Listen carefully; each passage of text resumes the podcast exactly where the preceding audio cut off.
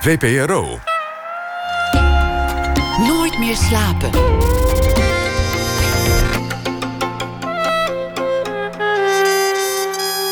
Met Pieter van der Wielen.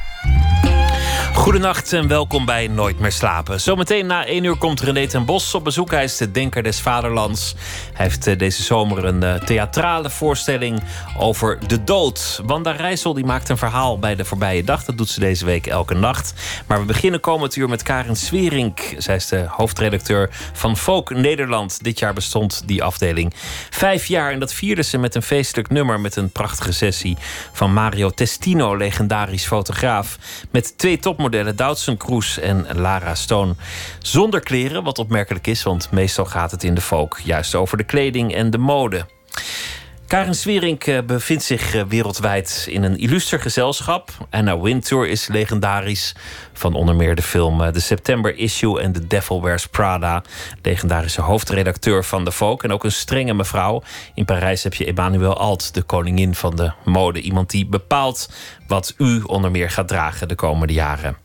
Karin Swierink werd geboren in 1969 en dat gebeurde in Winterswijk. Hartelijk welkom. Dankjewel. Karen.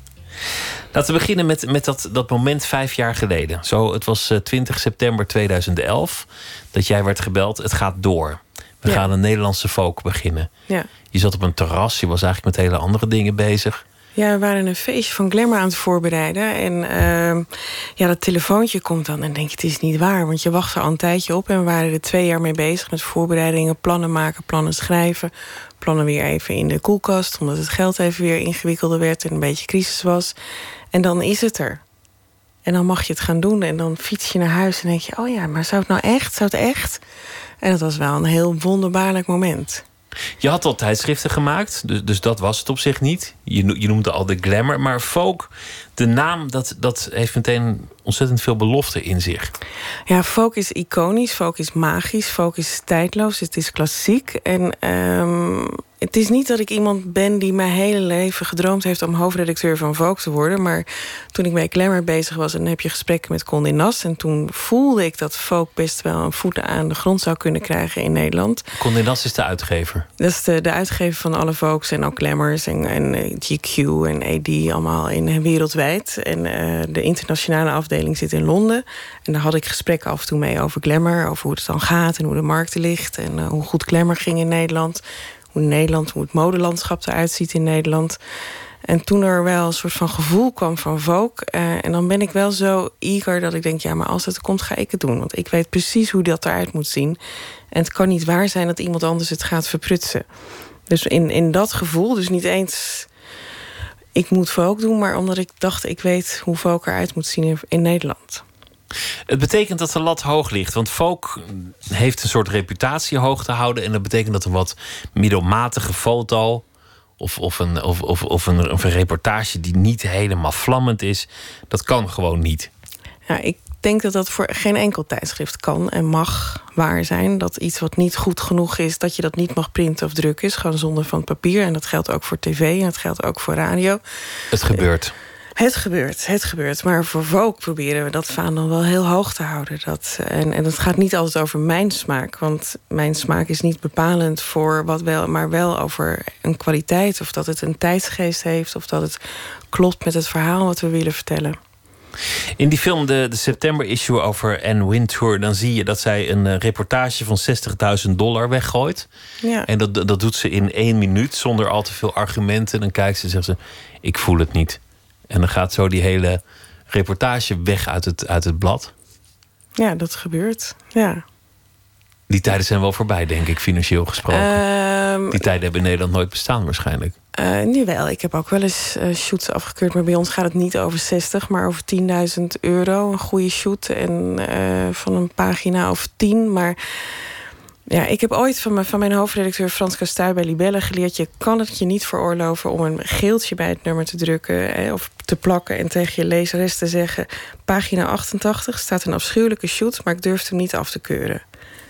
Dat kan niet. Dus als die niet goed is, ja, dan heb ik liever uh, een, een, goede vergadering met mijn directeur over het geld of met het team, omdat het afschuwelijk is om iets af te keuren, dan dat ik er 60, 65.000 mensen mee moet opschepen. Iets wat niet goed genoeg is. Weet je meteen wat goed is? Ja. Altijd? Bijna altijd. Bijna hoe, altijd. hoe weet je dat? Ja, um, omdat het niet klopt. Uh, dan, dan klopt de optelsom niet, dan is, is, is de locatie niet goed... het haar is niet goed, de plek is niet goed... Uh, het licht is niet goed, de modellen staan stom. En als je één van die twee, drie dingen hebt, kan je het nog aan. Dan kan je het nog een soort van glad strijken voor jezelf. Maar als die optelsom door blijft lopen... ja, dan is het gewoon niet goed. En, en ja... En het gaat niet over lelijk, maar dat dan, uh, dan, ja, en dan doen we ook wel dingen over. Hoe erg ook. En dat moeten we dan daarna wel weer rechtbreien qua budget.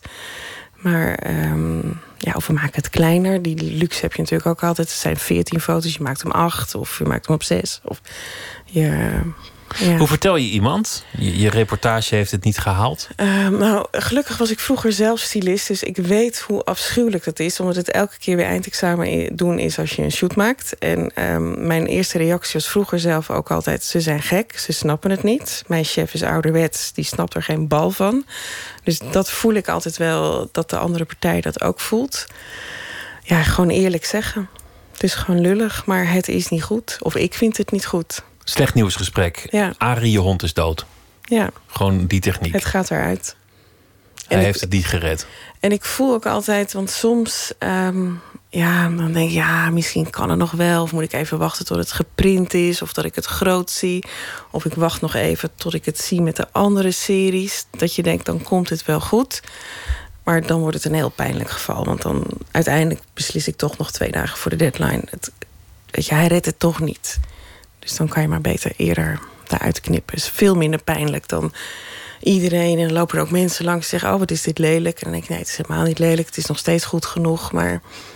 Ja, Laten we het hebben over een, een zeer geslaagde uh, reportage. Mario Testino hadden jullie gestrikt voor, uh, voor het vijfjarig jubileumnummer. Ja. Een, een, een, een, hele grote naam. En dan ook nog twee topmodellen, Doutzen Kroes en Lara Stone. Het beste wat Nederland te bieden heeft. Met, met een foto die, die meteen historisch werd. Die, die, volgens mij in musea terecht gaat komen. Je hebt hem kunnen zien in het bushokje of in andere abris. Naakt tegen elkaar in een oranje gloed. Het leek wel bijna. Halfzoenend. Ja. Met, met de welgevormde billen. En borsten. En borsten. Ja, dat was een heel mooi project. En uh, we hebben daar ook, uh, we hebben met Mario 100 pagina's gemaakt. Dus wat jij eruit ligt is echt de cover en de cover shoot die we met Lara en Doutse gemaakt hebben. En die hadden we ook echt wel zo bedacht. Maar hij heeft nog vier of vijf andere shoots gedaan. Ook met Imaan, ook met Daphne Groeneveld, maar Marion Jonkman, Luna Bell. Dus hij heeft echt voor elkaar, samen hebben we voor elkaar gekregen dat al het Nederlandse modetalent echt op die drie, vier dagen in Amsterdam was, waren. En shoot na shoot na shoot. En, en hij is zo creatief. Maar die meneer wil ook nog steeds zo graag hard werken en iets heel moois maken. Dus elke ochtend zei hij tegen mij: Ja, Karen, I was thinking. Ik denk dat ik een dag langer blijf en dan doe ik morgen nog een shoot. Ja, en ik kon alleen maar zeggen: Ja, let's do it. En, en zo zijn we van de ene shoot naar de andere, naar nog een shoot en nog een shoot ge, ja, samen geproduceerd. En dan stond je op een locatie en dan wilde hij er weer hier. We hebben honderd locaties gestuurd naar hem en zijn team. En uiteindelijk hebben we in de steeg van de studio staan schieten. Omdat hij dan toch onderweg bedenkt... ah nee, al die locaties, het gaat over de modellen... het gaat over mij en het gaat over het contact. Hoe gaat zoiets? Want, want hoe lang wordt er onderhandeld en gebeld voordat zo'n foto tot stand komt? Met hoeveel agenten, uh, productieleiders, management heb je te uh, maken? Dat gaat best wel met, met korte lijntjes, maar duurt twee jaar. Twee jaar? Ja, de, de dag van de lancering was het echt exact twee jaar geleden dat ik voor het eerst koffie gedronken had, had met hem in Parijs. En uh, ik denk dat Folk Nederland gewoon hele goede focus maakt. En dat onze Nederlandse topmodellen echt een visitekaartje zijn. Dus hij had bedacht, ik wil wel. Hij verzamelt folks, special folks. Dus dat hij echt één nummer eh, doet voor een land. En uh, ja, door onze Nederlandse topmodellen had hij zoiets van... ik wil wel een Nederlandse folk maken. Een heel speciaal project. Ja, en dan belt zijn assistent, mijn assistent... is Karin in Parijs, heeft ze zin om koffie te drinken. En dan krijg je een telefoontje van je assistent van ja, Mario Testino, of je morgen om tien uur tijd hebt om koffie te drinken. Ja, of course. En toen, toen hadden jullie meteen al een soort klik, een soort idee, een, een, een, visie. Ja. Hij zei van, uh, doen jullie naakt? Ik zei, ja, we doen wel eens naakt. En hij zegt, ja, eigenlijk wil ik dan uh, Nederlandse topmodellen naakt voor de nachtwacht. Ik zei, nou, gaan we regelen. Dat, en Niks is onmogelijk. Nee, nee, dat geloof ik echt. Dat, dat je, als je dat, met dat soort mensen werkt en, en, en, en, en uiteindelijk zijn we allemaal zelfs, maar uiteindelijk hebben ze dan dansen voor het Rijksmuseum voor de Nachtwacht, wat ook fabuleus was met René Vroger en al die modellen en Mario Testino en zijn team en allemaal Nederlandse kunstenaars hebben gewoon een Polonaise gedaan voor de Nachtwacht. Dus we hadden niet naakt voor de Nachtwacht, maar uiteindelijk de Polonaise voor de Nachtwacht. Maar dat was op het feest. In Nederland wordt het toch gewoon Polonaise uiteindelijk. Ja, maar dit was wel een hele chique Polonaise. Dit was wel de allerleukste. Hoe, gaat het als je, als, je, als, je, als je iemand die zo beroemd is als Doutzen Kroes boekt voor je blad? Dan, dan, dan val je niet met de deur in huis en zegt: Nou, naakt en zoenend, dat, dat, zou, dat zou nou wel heel mooi zijn. Nee, maar uh, Doutzen, die en Lara vertrouwen Mario zo. En, en in het team. En het wordt op een hele kleine set gefotografeerd. Dus iedereen moet weg. Dus ze zijn echt close met z'n drieën, vieren, vijven. En ja, dat waarschijnlijk, en ik heb ook foto's gezien. Eerst hebben ze kleren aan, maar dat werkt niet zo goed. En dan alleen nog maar een blouse aan, dat werkt ook niet goed. Dus dan is het, ja... Dat gebeurt toch een beetje in het moment? In het moment, ja. En ik denk ook dat Mario, als hij het niet voelt, gaat hij het niet doen. En als het niet knap wordt, uh, gaat hij het mij niet laten zien. En weet je, dat gaat echt totaal in vertrouwen. Dit moet ook een, een duur project zijn geweest. Mario Testino en, en zulke modellen en, en ook zoveel foto's. Kan dat nog in de, in de Nederlandse tijdschriftsector? Ja, als je een beetje goed verdeelt je geld. En, je, en, dit is niet mijn duurste project ever geweest. Hij is heel, uh, heel netjes wat hij vraagt voor zijn creative fee. De, het duur is dat hij toch wel het allerliefst in het Amstel slaapt. En um, met een grote crewreis. Dat maakt het duur. Maar zijn, zijn creative fee is niet duurder dan wat ik aan, aan Nederlandse fotografen of één Nederlandse teams geef. Dus, maar ja, alles komt erbij. Je wil ook nog een feest. En voor het feest komt hij weer terug. voor het feest wil hij ook nog wel weer graag in het Amstel. En dan ook graag zijn assistent. En dan komt Lara Stone ook. Maar die wil liever ook in het Amstel in plaats van in een ander hotel. Nou ja, dat optelsommetje, dat. Uh, zijn we nog aan het afbetalen, zeg maar. Maar goed, het, eh, het, uh, het blad staat weer op de kaart, kan je zeggen. Met het blad staat eh, op de kaart. En ik denk dat je af en toe... Uh, ik investeer liever af en toe groot en goed in hele mooie dingen... dan dat je alles een beetje kabbelend en, en een klein beetje verdeelt... over twaalf nummers en over twaalf producties. En dan is alles een klein beetje. Denk je ook een beetje voor de kunst? Denk je ook wel van, ach nou ja, als we het er niet uithalen, dan, dan is die foto er. Dan is dit project gewoon gelukt en ja. Laat maar dan. Nou kijk, je hoopt wel omdat je het verkoopt op kantoor van... ja, maar als wij Mario Ticino hebben met Lara en Douds op de cover... wordt dit het allergrootste nummer ever. Omdat er mensen in moeten geloven in de investering. Maar ja, als dat niet gelukt zou zijn... dan hebben we tenminste inderdaad die foto. En ik heb daar op die set gestaan en we hebben met z'n allen dat feest gehad... en we hebben het groot gevierd. Ja, dan hebben we dat. Ja. Waarin verschilt Folk Nederland van, van, van de andere edities? Zijn er accenten in aan te brengen? Is, is, is Nederland uh, progressiever of juist niet? Of? Nou, we zijn wel een van de jongste zusjes in de familie, dus dat voel je. We zijn iets rebelser. Um, we zijn heel erg Nederlands. Dus ik heb altijd het gevoel dat je soort dat, dat Turks fruitgevoel, dat zit er best wel in. Beetje dat rauwe, naakte dat het net niet knap is. Dat, dat is wel een stukje Nederlandse volk. En um, we zijn wat experimenteler. We durven veel meer jongere teams um, uit. We zijn iets minder afhankelijk. Um, ja, we hebben toch een andere geldstroom dan een Amerikaanse folk of een Britse folk. Dus we kunnen iets onafhankelijk opereren. Maar, maar wat, is, wat is uiteindelijk de essentie van folk? Want, want je verkoopt toch een soort droom. Dat, dat is het volgens mij. Ja, droom, aspiratie. Um, je moet wel de tijdsgeest pakken, anders ga je er helemaal aan voorbij, uh, denk ik. Dus dan, dan heb je een hele mooie droom, maar niemand snapt het.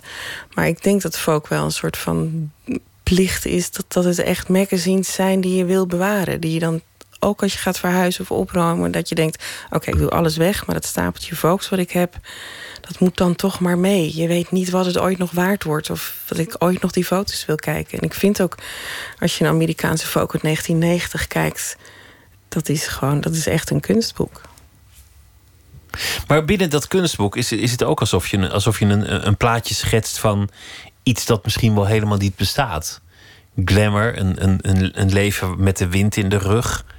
Een soort paradijselijk beeld. Ja, haren wapperend in de wind en beautiful sunshine. Ja, maar is dat erg? Nee, ik, ik, denk nee, dat het, denk ik dat, niet. ik denk dat het voor, voor magazines zoals als Vogue en ook wel andere glossy magazines, dat, dat het bijna dat is het vermaak wat wij bieden. Het soort van aspiratie, het dromen, het wegdromen en nadenken over een jas. Of ik zag er pas een die ik echt best wel heel graag wilde hebben, maar die kostte 20.000 euro. Ik bedoel, kan je Voor een jas. voor een jas. Maar hij was ook wel heel knap. Ik ga het niet kopen. Maar dat je heel even zo'n moment hebt van... goh, hè, zal ik dat dan... als ik heel veel geld heb, zal ik dan zo'n jas wel of niet? Zal ik maar daarin kleden? Of mag ik hem twee minuten aan? Dus dat, dat, dat, ehm, dus dat is dat hele modedroomgevoel. Maar daarnaast heeft Vogue ook best wel een stroom van, van, van inspiratie... gewoon op je ontwikkeling in je leven, in je, in je aspiratie met, met verhalen, interviews van andere vrouwen waar je aan kan optrekken, waar je aan kan denken: zo, die heeft het even lekker geflikt, dat ga ik ook doen. Dus, dus er zit ook wel een, een soort, soort morele kant aan het hele verhaal. Nou, moreel, moreel. Maar ik denk wel dat, dat je eh, ook wel ehm, op, je, op je carrièregebied of wat, wat vrouwen voor elkaar krijgen, dat je je door echt kan laten inspireren. Laten we luisteren naar ehm, muziek voor, de, voor verder praten over eh, wat, eh, wat de mens nog te dromen heeft. Jean Genet, eh, Frans schrijver, dichter, politiek activist. En zijn roman Onze lieve vrouw van de bloemen werd de inspiratie voor Joris Zwart tot het schrijven van dit nummer. En het heet dan ook Genet.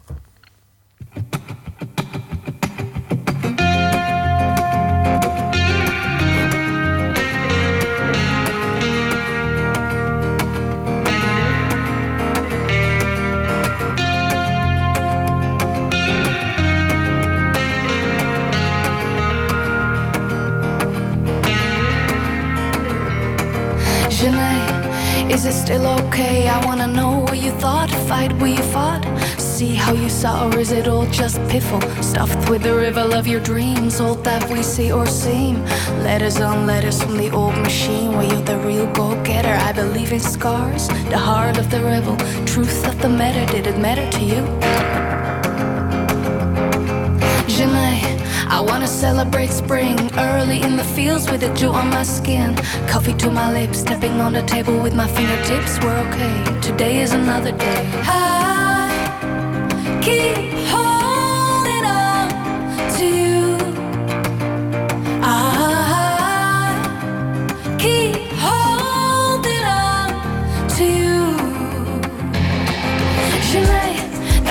Now what is art if art is us? It's a cultural thing, maybe a misunderstanding.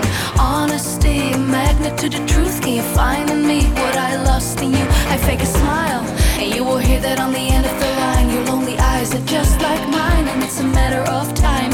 Hurry home, I keep a hollow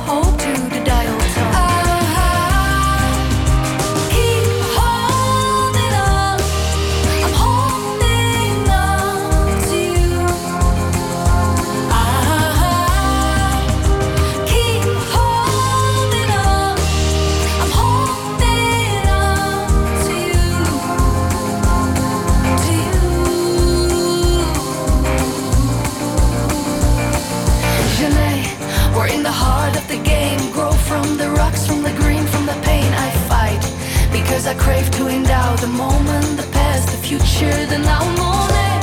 He said, find the right light when you paint. Dig inside, so I give in to my vows, to my sin. I cut the grain to harvest you. Jeanette, let's try to regain. I don't believe in the end of this game. I live not to be safe, to be right. It's all or nothing now,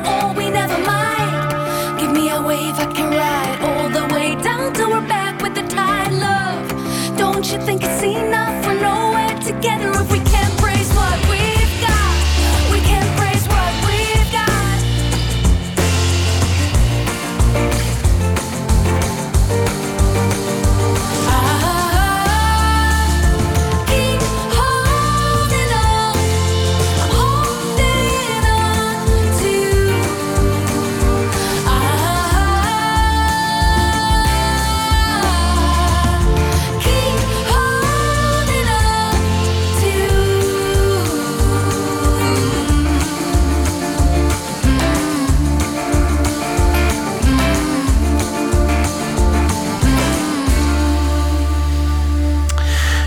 Zwart was dat met uh, het nummer Jeannette. En uh, we praten met uh, Karen Swerink naar aanleiding van De Folk. En omdat het zomer is.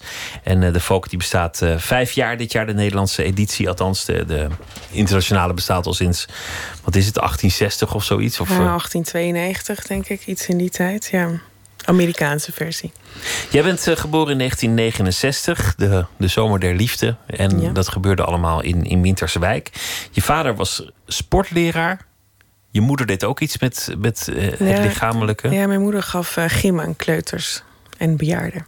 Een heel lichamelijk gezin dus eigenlijk. Ja, ja ik heb wel zeg maar de, de eerste twintig jaar van mijn leven in de sportzaal doorgebracht. Wat deed je? Uh, vroeger veel met mijn vader en moeder mee. En toen ging ik ook een beetje kleutergym geven. En later ben ik heel veel gaan dansen, jazzballet. En uh, uiteindelijk jazzballet gaan geven. En dan, dat deed ik vijf à acht uur in de week. En ik viel overal nog in. En als ik nu door Twente rijd, denk ik... oh ja, daar heb ik les gegeven, daar heb ik les gegeven... daar hebben we op opgetreden. Dus dat, dat dansen was toen een heel groot ding. Was je modebewust als, uh, als, als tiener? Ehm, niet zoals tieners nu zijn. Tieners zijn nu zo heftig modebewust en die weten het precies en die kunnen alles precies kopiëren. En hoe die meiden er nu tegen, uit, tegenwoordig uitzien. Maar ik ging wel, als ik een feestje had en ik wilde een gifgroene broek aan, dan ging ik die snel maken op de naaimachine. En dan zei mijn vader: Zo, bijzonder. Een gifgroene broek? Ja, dat had ik dan bedacht. Dus van die grote paarse oorbellen. Ja, dat, dat is dan zo. Hoorde je dan ook bij een bepaald bepaald groepje, wat, wat in die tijd natuurlijk nogal speelde? Uh, nee, nee, ik ben, nee, ik ben niet. Uh, ik was wel fan van Doe dus dat was een beetje. Dat skunk vond ik wel heel interessant. Ik ben niet punk geweest. Op mijn academietijd was ik vrij uh, kakineus om het daar maar te overleven. Ik wilde niet mee in die hele punk scene of uh, wietrokende medestudenten. Dus anti-anti werd ik maar een soort heel kakineus. Nee, ik heb het nooit echt. Uh, nee, ik heb gewoon heel veel gesport. Dus meestal uh, was ik met een sporttas op de fiets en uh, dansen, dansen, dansen. Hoe kwam je op het idee om naar de academie te gaan? Want je wilde eerst Pabo. Ja, ik wilde heel graag juf worden. Nou, nu ben ik de juf van Folk, dus dat is ongeveer hetzelfde, maar dan anders. Maar, uh, en als ik nu zie, een klas op school, dan lijkt me dat nog steeds echt wel een heel leuk beroep. Maar mijn tekenleraar op de HAVO zei: uh, misschien moet je gewoon een toelatingsexamen doen. Hè? Als het werkt of niet werkt, dat kan je altijd zien. En ja, dat toelatingsexamen was voor mij: dit is wel wat ik wil. Dit is zo fantastisch. Gewoon zo'n academie met allemaal lokalen. En je kon fotograferen, je kon beeldhouden, je kon schilderen. En ik vond die opdrachten heel leuk op die eerste dag. Ik vond het ook heel raar, want er zaten allemaal mensen van 30 en die hadden al zeven wereldreizen gemaakt. En ik was 17. Maar ja, hij trok mij. Het was een wereld die ik niet kende, maar ik, ik voelde wel gelijk, ik kan hier iets. Ik kan hier iets aan toevoegen. En ik was wel vrij uh, aan, aan, niet aan de, uh, ja, aan de commerciële kant op de academie. Ik was wel iemand die ik wilde een baan in dit vak. Ik wilde mijn geld verdienen. En ik ben niet. Ik had mede-collega's die, of studenten, hoe noem je dat, die dan s'nachts wakker werden en op blote voeten een schilderij gingen maken. Dat ben ik niet. Maar hoe werd het kleding? Um, omdat ik wel um, vond dat ik dat het. Um, dat lag het dichtst bij me. En, uh, maar kledingontwerpen was het ook niet. Daar kwam ik ook wel heel snel achter. Vond ik echt vreselijk saai. Dat patroontekenen, verzinnen waar de paspelzakken moesten... en hoe hoog de knopen en wat voor zak en welke stof. Maar, en toen bestond het vak styling nog niet echt als een vak. Het bestond wel, maar het was niet echt dat mensen dat benoemden. Maar ik was altijd wel heel erg bezig met mijn presentatie. Hoe ziet het er dan uit? En dan ging ik boeken maken, ging ik het fotograferen. Ik ging nadenken hoe ik dat liet zien. En toen ben ik wel stage gaan lopen bij de L en bij de Elegant en bij een, uh, een filmstyliste. En, ja, en daar had ik eigenlijk na één dag stage L, dacht ik, nou, ze kunnen me hier opsluiten op het toilet. Ik wil gewoon hier, hier, dit wil ik. Maakt bladen niet uit. Maken. Ja, bladen maken, zo'n kantoor met al die mensen en die tijdschriften. En dat modehok vol met kleren. En ik heb mijn drie maanden L-stage in het modehok doorgebracht. En alleen maar kleren uitgepakt en ingepakt en verstuurd. En teruggebracht naar Parijs of op de fiets door Amsterdam. Maar en ik was ontzettend verlegen. Dus als je de prijs op moest vragen van, van de kleding die gebruikt was, dan deed ik dat tussen de middag als iedereen ging lunchen. Maar ja, het, ik weet niet, het had een soort magie, een aantrekkingskracht op mij. Via de Yes en toen de Glamour ben je uiteindelijk uh, bij de folk terechtgekomen. Daar begonnen we het, eh, het gesprek al mee. dat maakt jou ook een beetje ja, het boegbeeld van het blad. Is het belangrijk dat jij verschijnt op, op feesten, op recepties, dat, dat je je laat zien?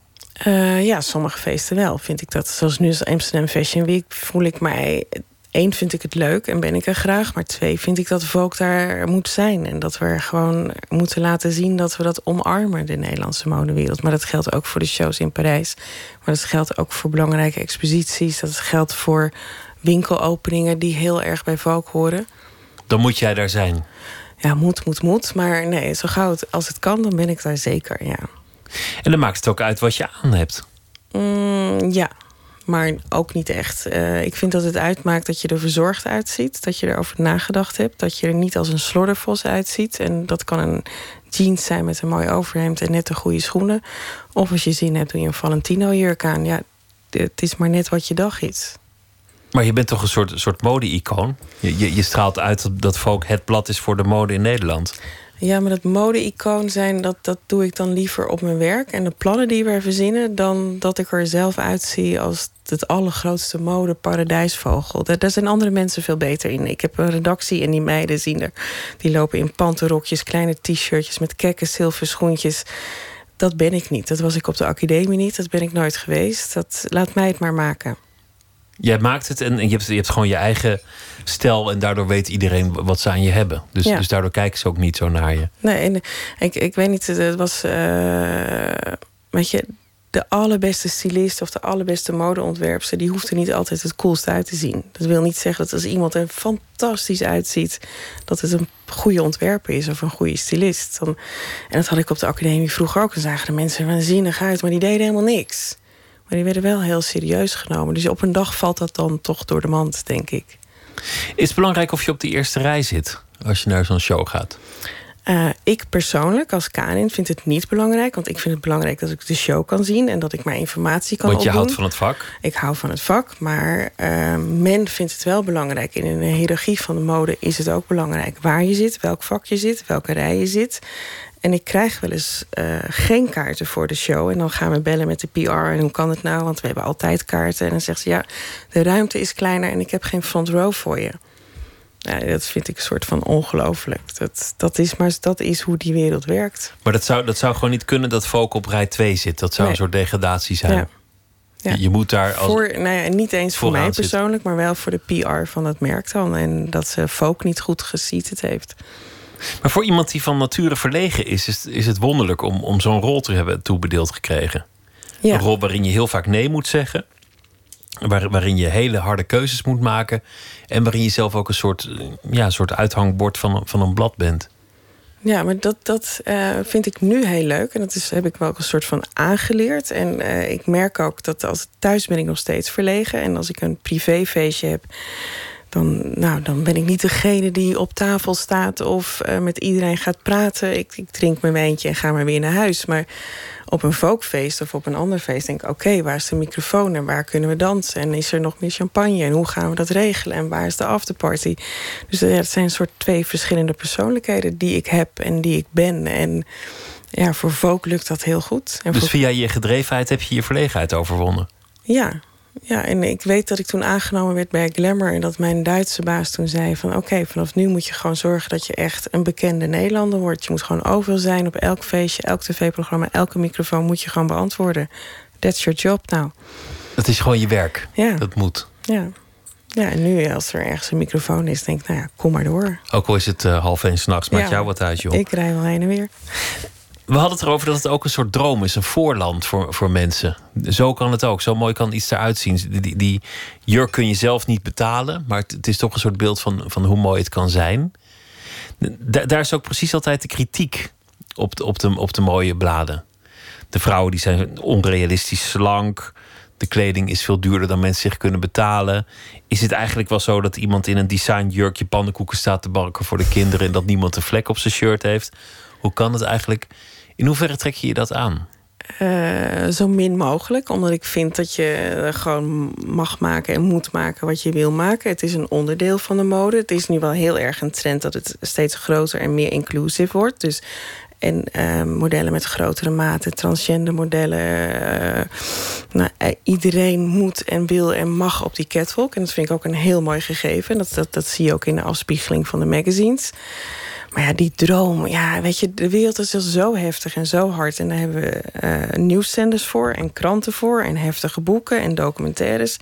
En ja, um, mode is ook een soort kunst en het is een soort ontwikkeling. Dus ja, er zijn ook schilderijen die kosten 80.000 euro of 4 miljoen. Dus ja, ja, een jurk kan dan een keer 4000 eh, kosten. Er zijn mensen die kopen fietsen van 8000 euro. Vind ik weer bizar. Dus... Maar jullie hebben wel eens ervoor gekozen om, om, om de putjes in, in, in de vrouwenbenen niet weg te retoucheren. Ja, en ik heb ook wel eens met een Nederlandse fotograaf, Paul Bellard, die een, een eh, Nederlands topmodel gefotografeerd had. En die zei van als je het gaat retoucheren en als je het dunner maakt en als je de wallen weghaalt, dan trek ik mijn foto's terug. Want het was zo het moment en zo wat ik wilde laten zien. Ja, en dat doen we dan ook niet. Want Um, ik vind het zelf ook prettig. En we hadden pas die cover van Victoria Beckham. En eh, ja, dan zie je toch nog een heel klein beeldje net boven haar bikinibroekje. Je denkt, oh gelukkig, ik heb er iets meer beeldjes. Maar zij heeft ook een heel kleintje. En dat, dat geeft je toch een beetje, dat je denkt, oh ja, we zijn allemaal een beetje hetzelfde. Het is gek, want aan de ene kant wil het publiek wegdromen met, met iets dat niet hun eigen leven is of niet hun eigen lichaam. Aan de andere kant worden ze wellicht ongelukkig door er naar te kijken of, of gaan ze leven naar een niet haalbaar, want gefotoshopt beeld?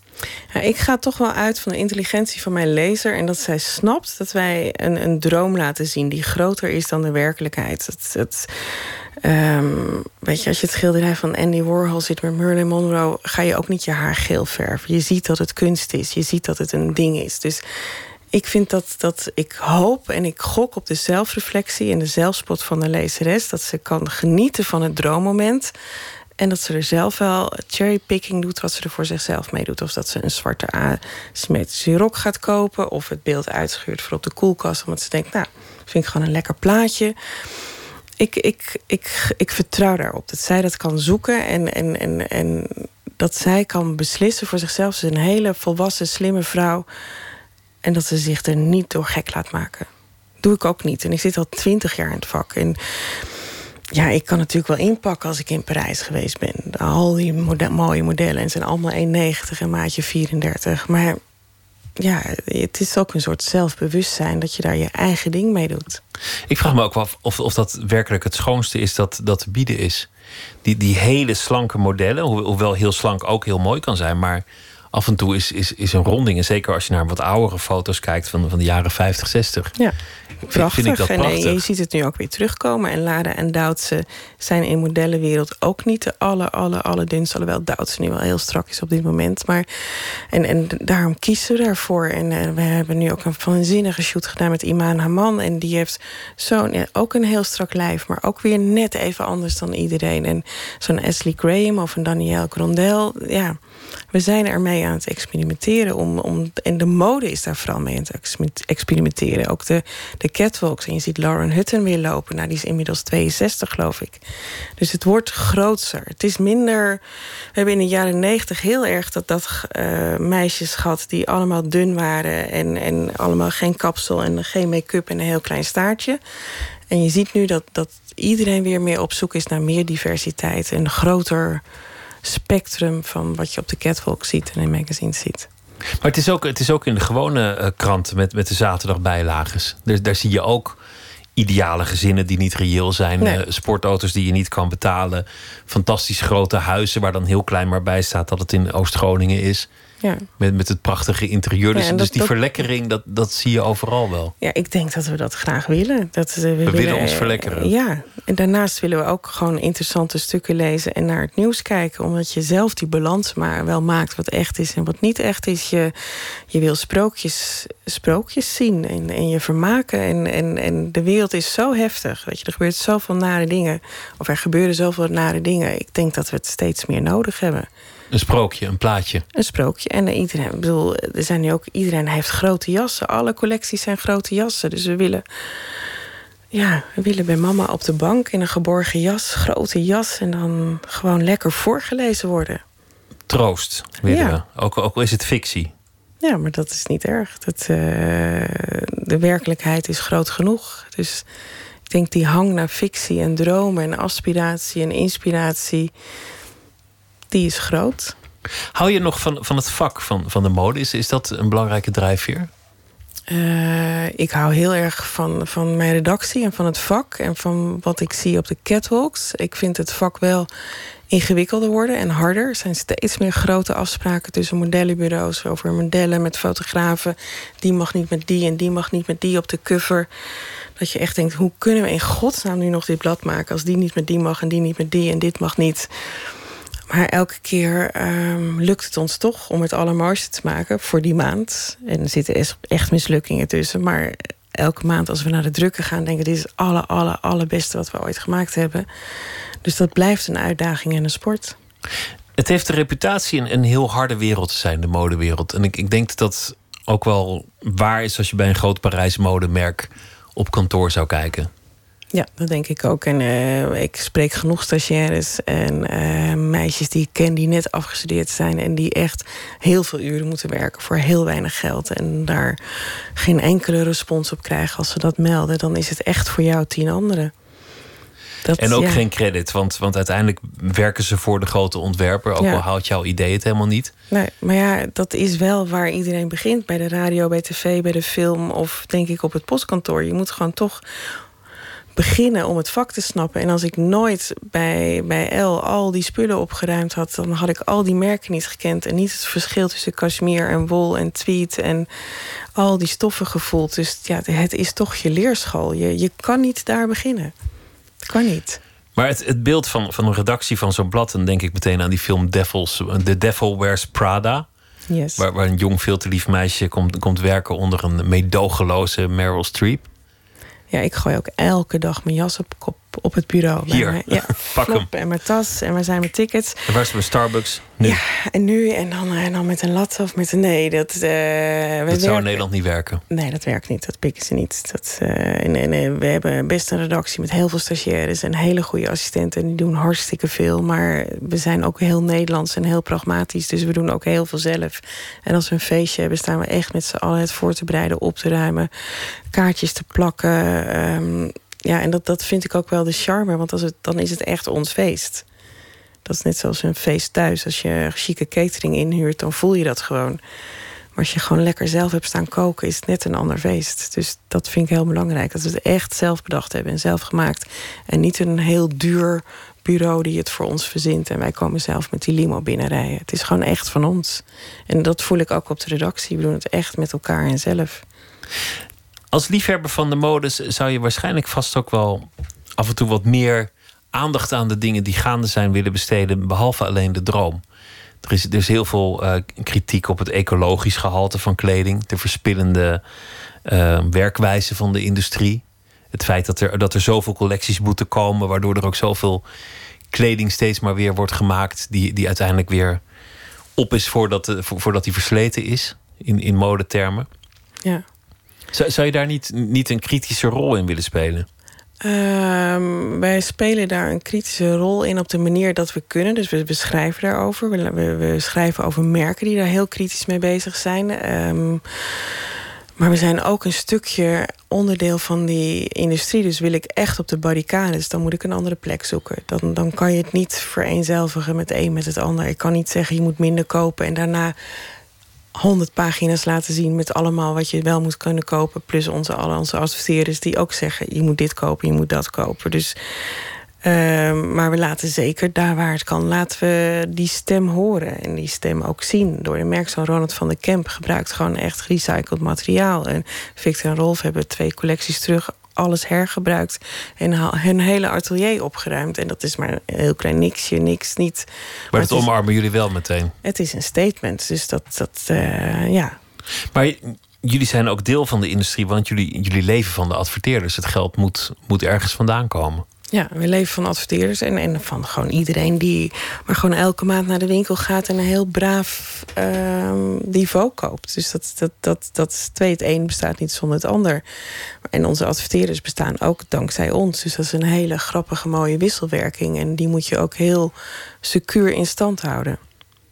Maar het geld is niet de baas, merk ik aan je. Nee, absoluut niet. Want dan, als het geld de baas is, dan um, ga je verkeerde beslissingen nemen. En beslissingen op angst en op zekerheid. En, En, en schijnzekerheid, want die is er niet. Je kan niet zeggen als we dit paars doen, dan gaat het goed verkopen. Of als we dit doen, of als we een blauwe jurk op de cover doen, want dat hadden we vorige maand ook. Verkoopt je weet het niet. Dus, uh, dus ik, ik maak beslissingen echt op creativiteit en het verhaal wat we willen vertellen. Weiger je wel eens advertenties? Uh, nee, ik maar nou wel eens. Ik heb ooit in mijn glamour-tijd als een hele heftig seksueel getinte jeans uh, advertentie. Die hebben we er niet in gedaan. En voor de rest is het eigenlijk nooit voorgekomen dat er iets voorbij kwam van waar ik, ik dacht, het is echt schokkend. Maar het zijn, het zijn hele mooie advertenties allemaal. Het past in de sfeer van het blad. Het, ziet er prachtig uit. Er zijn ook wat chicere merken van wie je dat verwacht. Louis Vuitton zal niet een lelijke foto leveren. Maar, maar komt het niet voor dat bijvoorbeeld uh, uh, schoenenvoordeel.nl denkt: kom, we pakken de folk? Nee, nee, maar ze mogen bellen. Weet je, iedereen... en een, een, lelijke advertentie zou je gewoon plaatsen? Nou, ik denk dat ik dan met ze zou... als ze echt heel graag in focus zouden willen adverteren... zou ik het gesprek met ze aangaan... hoe ze dat dan zouden moeten aanpakken. En dat ga ik tegen meneer Louis Vuitton niet zeggen natuurlijk, tegen het merk of bij Chanel, want die hebben daar fantastische afdelingen voor. Maar schoenenvoordeel.nl, die kan vast nog een beetje van ons leren. Dus dan maken we samen een hele mooie advertentie. En dat doen we ook voor heel veel merken, dat doen we ook voor Samsung bijvoorbeeld. We gaan luisteren naar uh, Town. Dat is een uh, Amerikaans project van drie zangers: Sea Love, Donovan Frankenwriter en Cisco Adler. En dit nummer heet Island Time.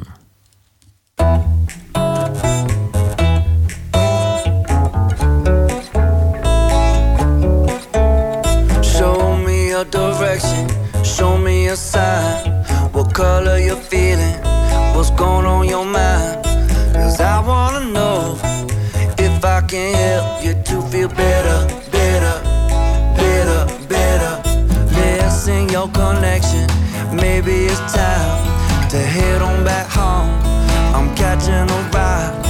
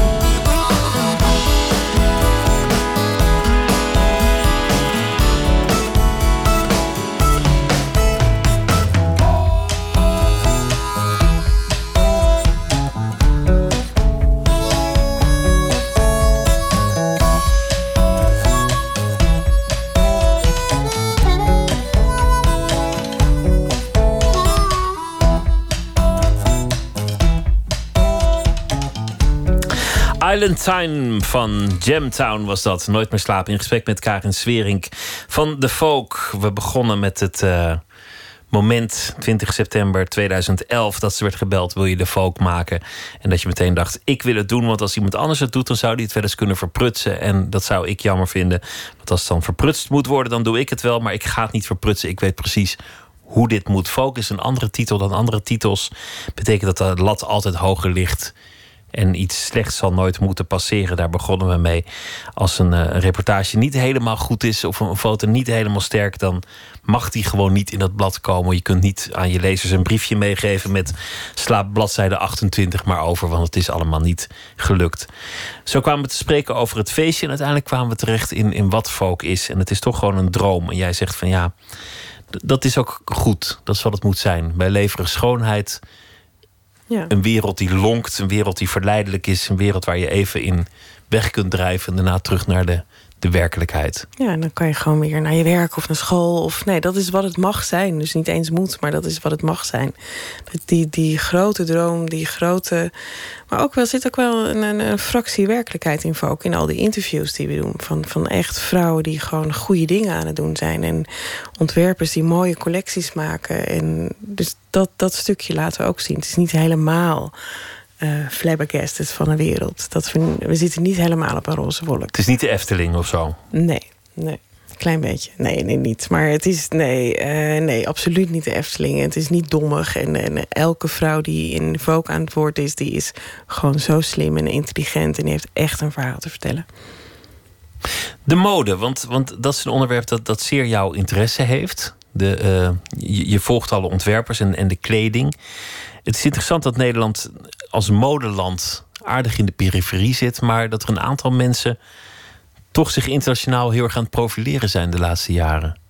Ja, ja, ik denk dat het Nederlands ehm, talent enorm ehm, beroemd is. Wij, wij kunnen zo, wij zijn zo creatief, we zijn zo flexibel en zo pragmatisch, maar ook zo innovatief. Dus dat wordt er echt uitgepikt. Zo'n Ronald van der Kemp of een Victor, van Rol, Victor en Rolf en ook Iris van Herpen. Die drie die waren gewoon met z'n drieën, hebben die de Coutureweek gedragen in Parijs. Die waren zo fenomenaal, zo vernieuwend.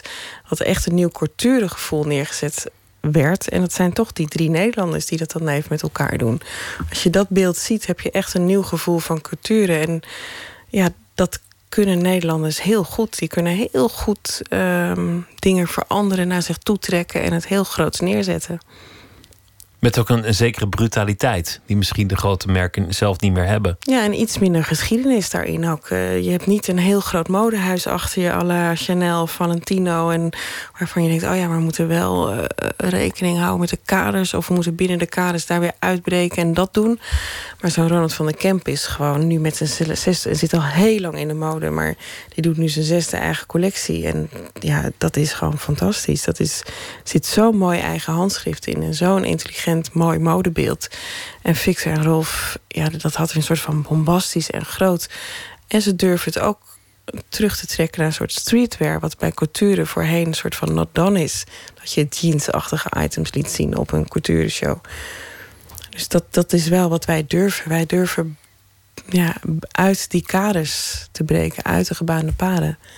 En dat past ook bij het blad, want je, want je maakte de vergelijking met Turks fruit de recalcitrantie van een jongetje en een meisje op een fiets. Ja, dat, dat vind ik echt wel. Eh, Turks fruit meets Chanel. Dat is wel gewoon wat, wat Folk Nederland is. Voor mij. Als ik het in één zin moet uitleggen, mag uitleggen. Jullie zijn nog iets verder gegaan met, met permissie van, van de uitgever. Want er, er kwam ook een, een versie uh, die ging over het interieur. Ja, Folk Living. En uh, eentje voor de man. Folkman, ja. Hoe zit dat met zo'n zo'n dromenblad voor de man? Werkt dat? Uh, ja, maar mannen lezen helaas minder tijdschriften. Dus die droom eh, in werkelijkheid is minder groot. Maar dat wat wij doen, een echt modeblad maken voor de Nederlandse man die echt van mode houdt, dat bestond nog niet, vonden wij. En dan hebben we zoiets van, nou, dan gaan we het gewoon maar even maken. Even laten zien hoe je dan een modeblad voor de Nederlandse man maakt.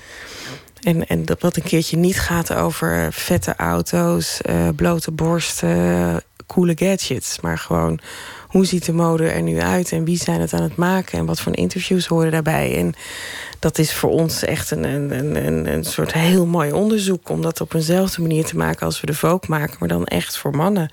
En niet eens misschien voor mannen, maar in ieder geval over mannenmode.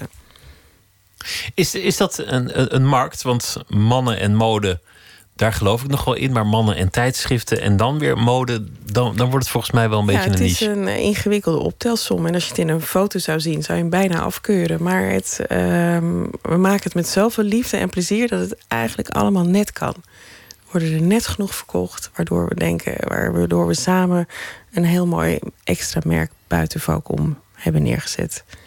En hoe gaat het dan met het moederbedrijf van Volk? Want als jullie zo'n idee hebben, dan moet je wel eerst toestemming hebben van, van, van de grote uitgever. Je verbindt tenslotte die naam eraan. Zien die dat meteen gebeuren? Uh, die vinden het best lastig, want uh, zij beschermen folk heel goed. Dus daar zijn wel gesprekken over. En dan, ja, dan datzelfde waar we net over hadden met Ronald van de Kemp. En dan heeft hij ja, maar laat ons er gewoon even eentje maken. Dan zien we het gewoon. als het niet goed is, dan stoppen we gelijk. En dat was voor Folk Living eigenlijk hetzelfde. We hadden echt een best wel ander beeld dan wat traditioneel bij Condé Nast vonden hoe een woontijdschrift eruit moest zien en waar het over moest gaan. En dan, ja, dan is hij, maken we één special. Dan zien we wel weer. En dat, die werd gelijk zo goed verkocht. Dat we, en toen hebben we geloof ik niet gevraagd of we de vier gingen maken.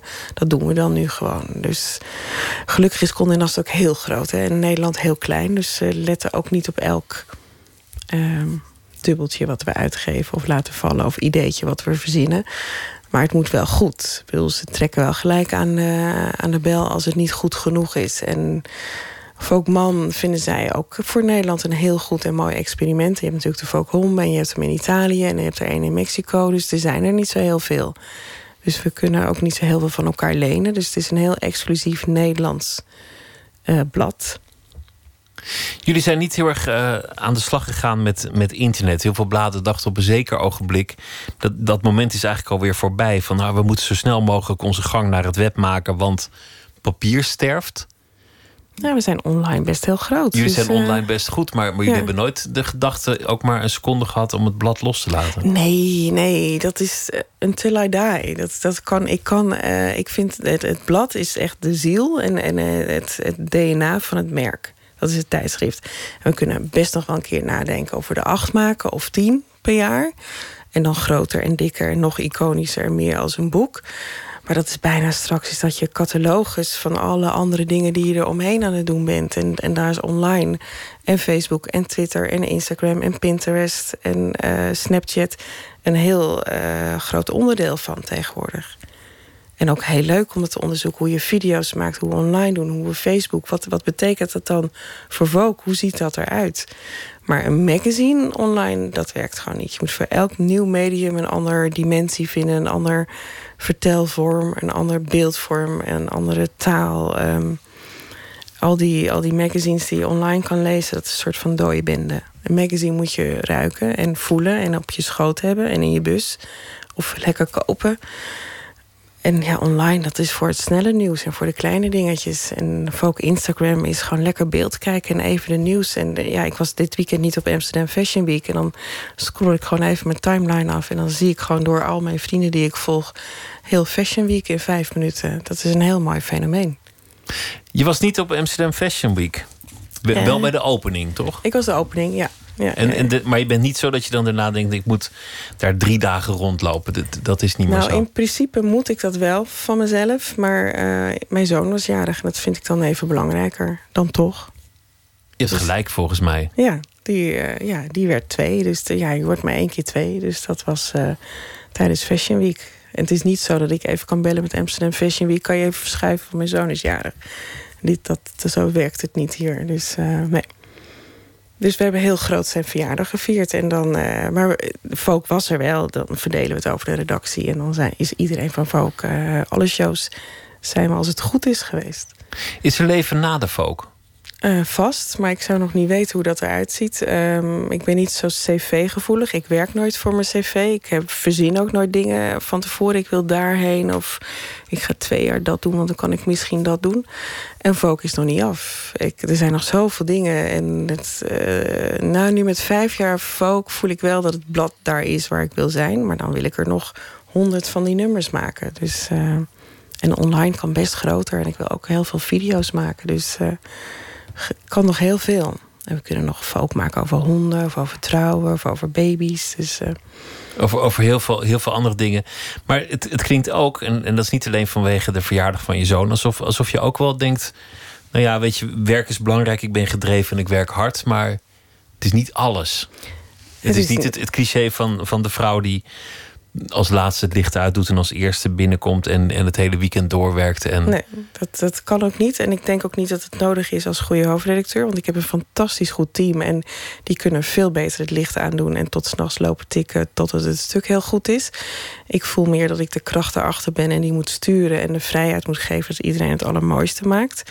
En daarnaast vind ik het voor mij eh, mensen op de redactie ook heel belangrijk dat ze de verjaardag van hun vader of hun moeder of van hun kind vieren. Want ja, werk is fantastisch en bij folk werken is heel bijzonder, maar uh, familie um, en vrienden zijn zeker zo belangrijk. Dat is toch wel een, een verschil met, uh, met de film. Van, van de, de mensen die nooit meer van de redactie weggingen. En ja, maar een, uh, film wordt ook heel mooi gemonteerd en geknipt. En ik weet zeker dat Anna Wintour ook wel eens ontbijt met haar dochters. En ook een verjaardagsfeestje heeft. En ja, zelfs zij. Dat kan niet anders. Op naar de volgende vijf jaar folk in Nederland. Dank dat je de gast wilde zijn, Karin Swering. En uh, heel veel succes met het, uh, met het volgende nummer en alles dat verder komen gaat. Dank je wel. Graag gedaan, dank je wel. Zometeen gaan we verder met uh, onder meer René ten Bos, de denker des vaderlands. En we hebben ook een verhaal van Wadda Rijssel... die deze week elke nacht een verhaal zal voordragen... bij de dag die achter ons ligt. Twitter, het VPRO-NMS. En we zitten ook op Facebook. En u kunt zich abonneren op de podcast via iTunes... of de website van de VPRO. vpro.nl slash nooit meer slapen.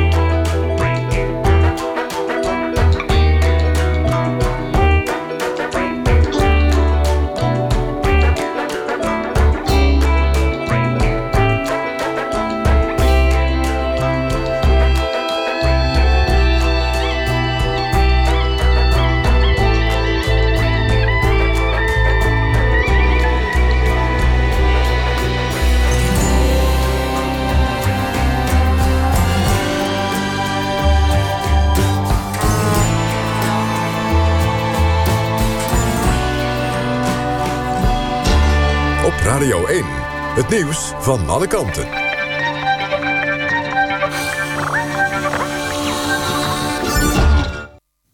Het is 1 uur, dit is met het NWS Journaal. De Amerikaanse aanbieder van internettelevisie Netflix... heeft de grens van 100 miljoen abonnees doorbroken. Het bedrijf had het sterkste kwartaal ooit. Alleen al in de VS kwamen er een miljoen nieuwe gebruikers bij. Bijna twee keer zoveel als verwacht. Wereldwijd heeft Netflix nu 104 miljoen gebruikers. De Amerikaanse R&B-zanger R. Kelly is opnieuw in opspraak geraakt vanwege misbruik. Hij zou een secte leiden en zeker zes vrouwen tussen de 18 en 31 tegen hun wil vasthouden. De slachtoffers worden gehersenspoeld, zeggen drie vrouwen die uit de greep van de 50-jarige zanger zijn ontsnapt. Zijn advocaat spreekt de aantijgingen tegen. R. Kelly stond al meerdere keren voor de rechter omdat hij seks zou hebben gehad met minderjarige meisjes. In 2003 werd hij opgepakt voor het bezit van kinderporno. Een man uit Drenthe moet een miljoen betalen aan de staat. Hij verdiende ruim anderhalf miljoen euro aan de handel in velgereiniger, waarvan GHB wordt gemaakt. Volgens RTV Drenthe noemde de 39-jarige man zichzelf de GHB-koning. Hij werd vorig jaar al veroordeeld tot 20 maanden cel voor drugshandel. De jongens die bij een spoorwegovergang in Friesland aan de slagbomen hingen... hebben zich gemeld bij ProRail. Ze zeggen dat ze er spijt van hebben. De jongens zijn 16, 17 en 18. Twee van hen hingen aan de spoorbomen, een derde filmde dat... en ze plaatst het filmpje op internet. ProRail doet aangifte. En in Italië woeden als gevolg van hitte en droogte veel bosbranden. De afgelopen dag moest de brandweer duizend keer uitrukken. De branden woeden onder meer in Toscane en rond Napels. Ook bij Rome zijn bosbranden. Het weer vannacht koelt het af naar een graad of 9. Morgen op veel plaatsen zomers warm met maxima rond 25 graden. Woensdag wordt het tropisch warm. Later is er kans op onweer. En dit was het NOS Journaal. NPO Radio 1. VPRO. Nooit meer slapen.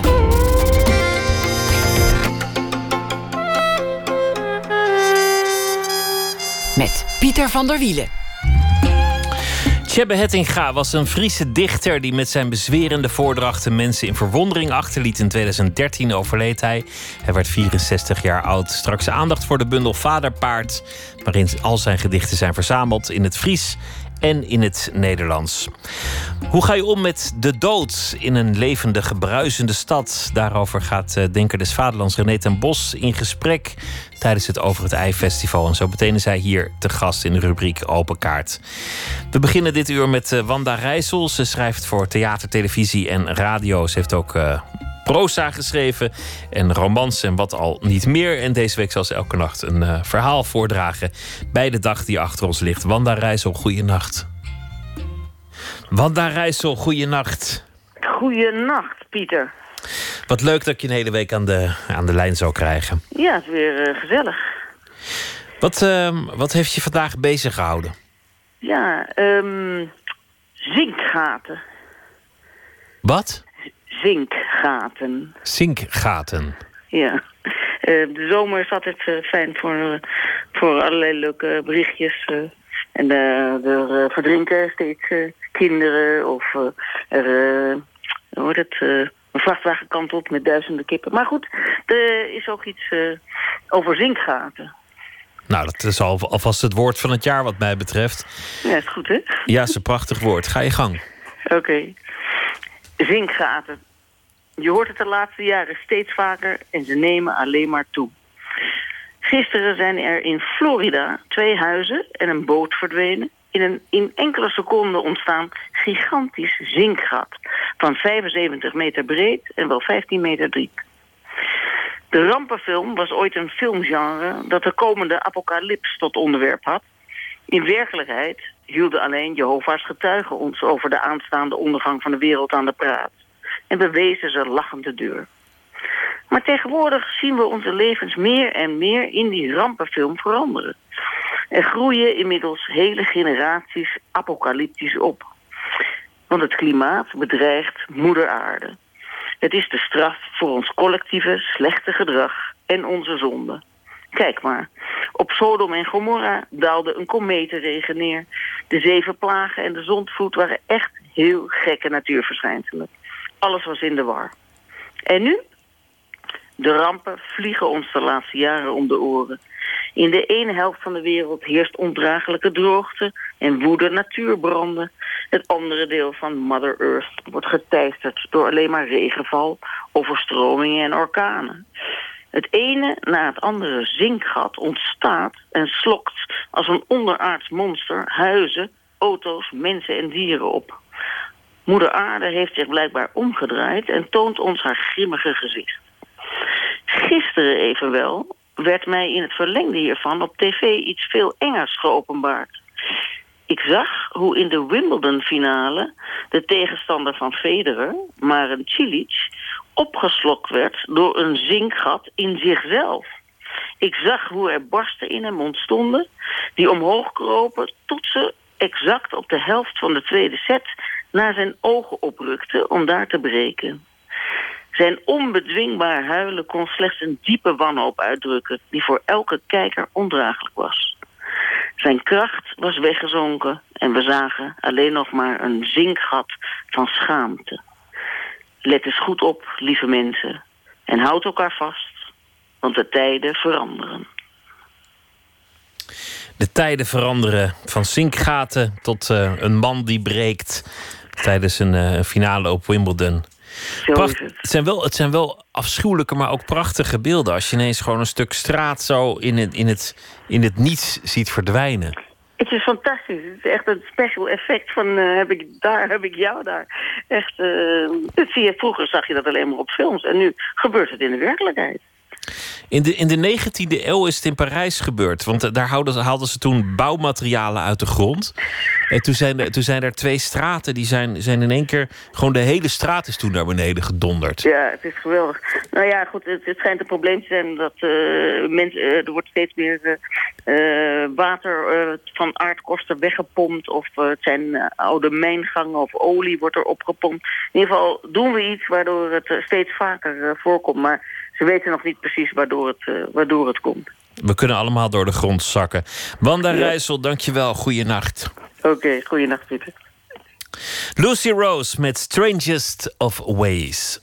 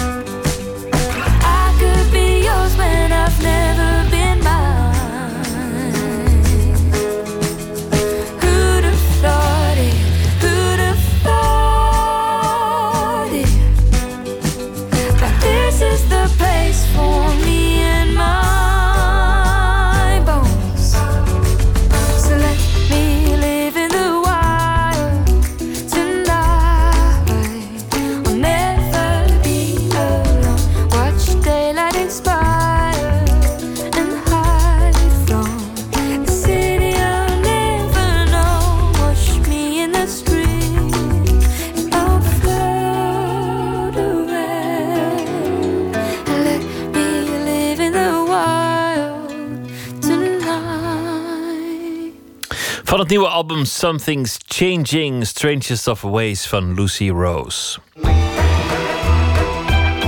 Nooit meer slapen. De Friese Homeros werd hij al genoemd. De blinde dichter Tjebbe Hettinga. In zijn poëzie valt de mond van Marilyn Monroe samen met het landschap van Friesland. En Friese jongens op brommers veranderen in science fiction helden.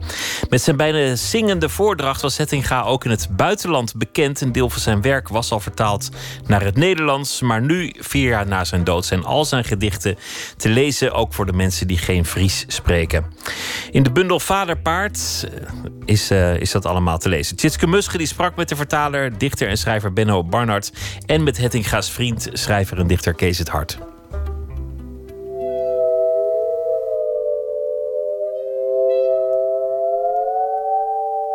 Ik was 17 toen ik in Vredeburg en Utrecht voor het eerst de Nacht van de Poëzie bezocht. Ik weet nog dat ik net even met iemand naast me aan het praten was en dus niet gezien had wie er ondertussen op het podium naar de microfoon was geschuifeld. Toen hij begon voor te lezen, draaide ik me met een ruk om. Tjen hagelwitte vlecht van sneeuwgosnin, nog wat zijn lietse spiegel in de haven van je koert, een landschap van wier en zout. Daar stond een man met een warrige bos haar en een snor die langs beide mondhoeken naar beneden liep. Hij droeg een beetje vaal jasje en stevige schoenen.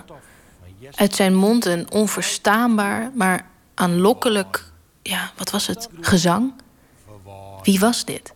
Zou wie eruit zielt op dat de zee, rucht sprekkend door een ziel die net lanke veneren hem opnam. Het was Tjebbe Hettinga, geboren in 1949 en burgwerd in Friesland op een boerderij. Op weg naar een schaatstraining ontdekt hij dat hij niet goed ziet. Later blijkt dat hij langzaamaan blind wordt. Het Fries is zijn moedertaal en daarin schrijft hij dan ook zijn gedichten. Binnen Friesland treedt hij regelmatig op. Het is tijdens een van die optredens dat schrijver en dichter Kees het Hart hem voor het eerst doet voorlezen. Dat uh, was in een heel klein plaatsje, een heel klein dichtersfestival, waar ik ook optrad. Nou, wanneer moet dat geweest zijn? 92. En daar trad hij op. Ik kende hem niet.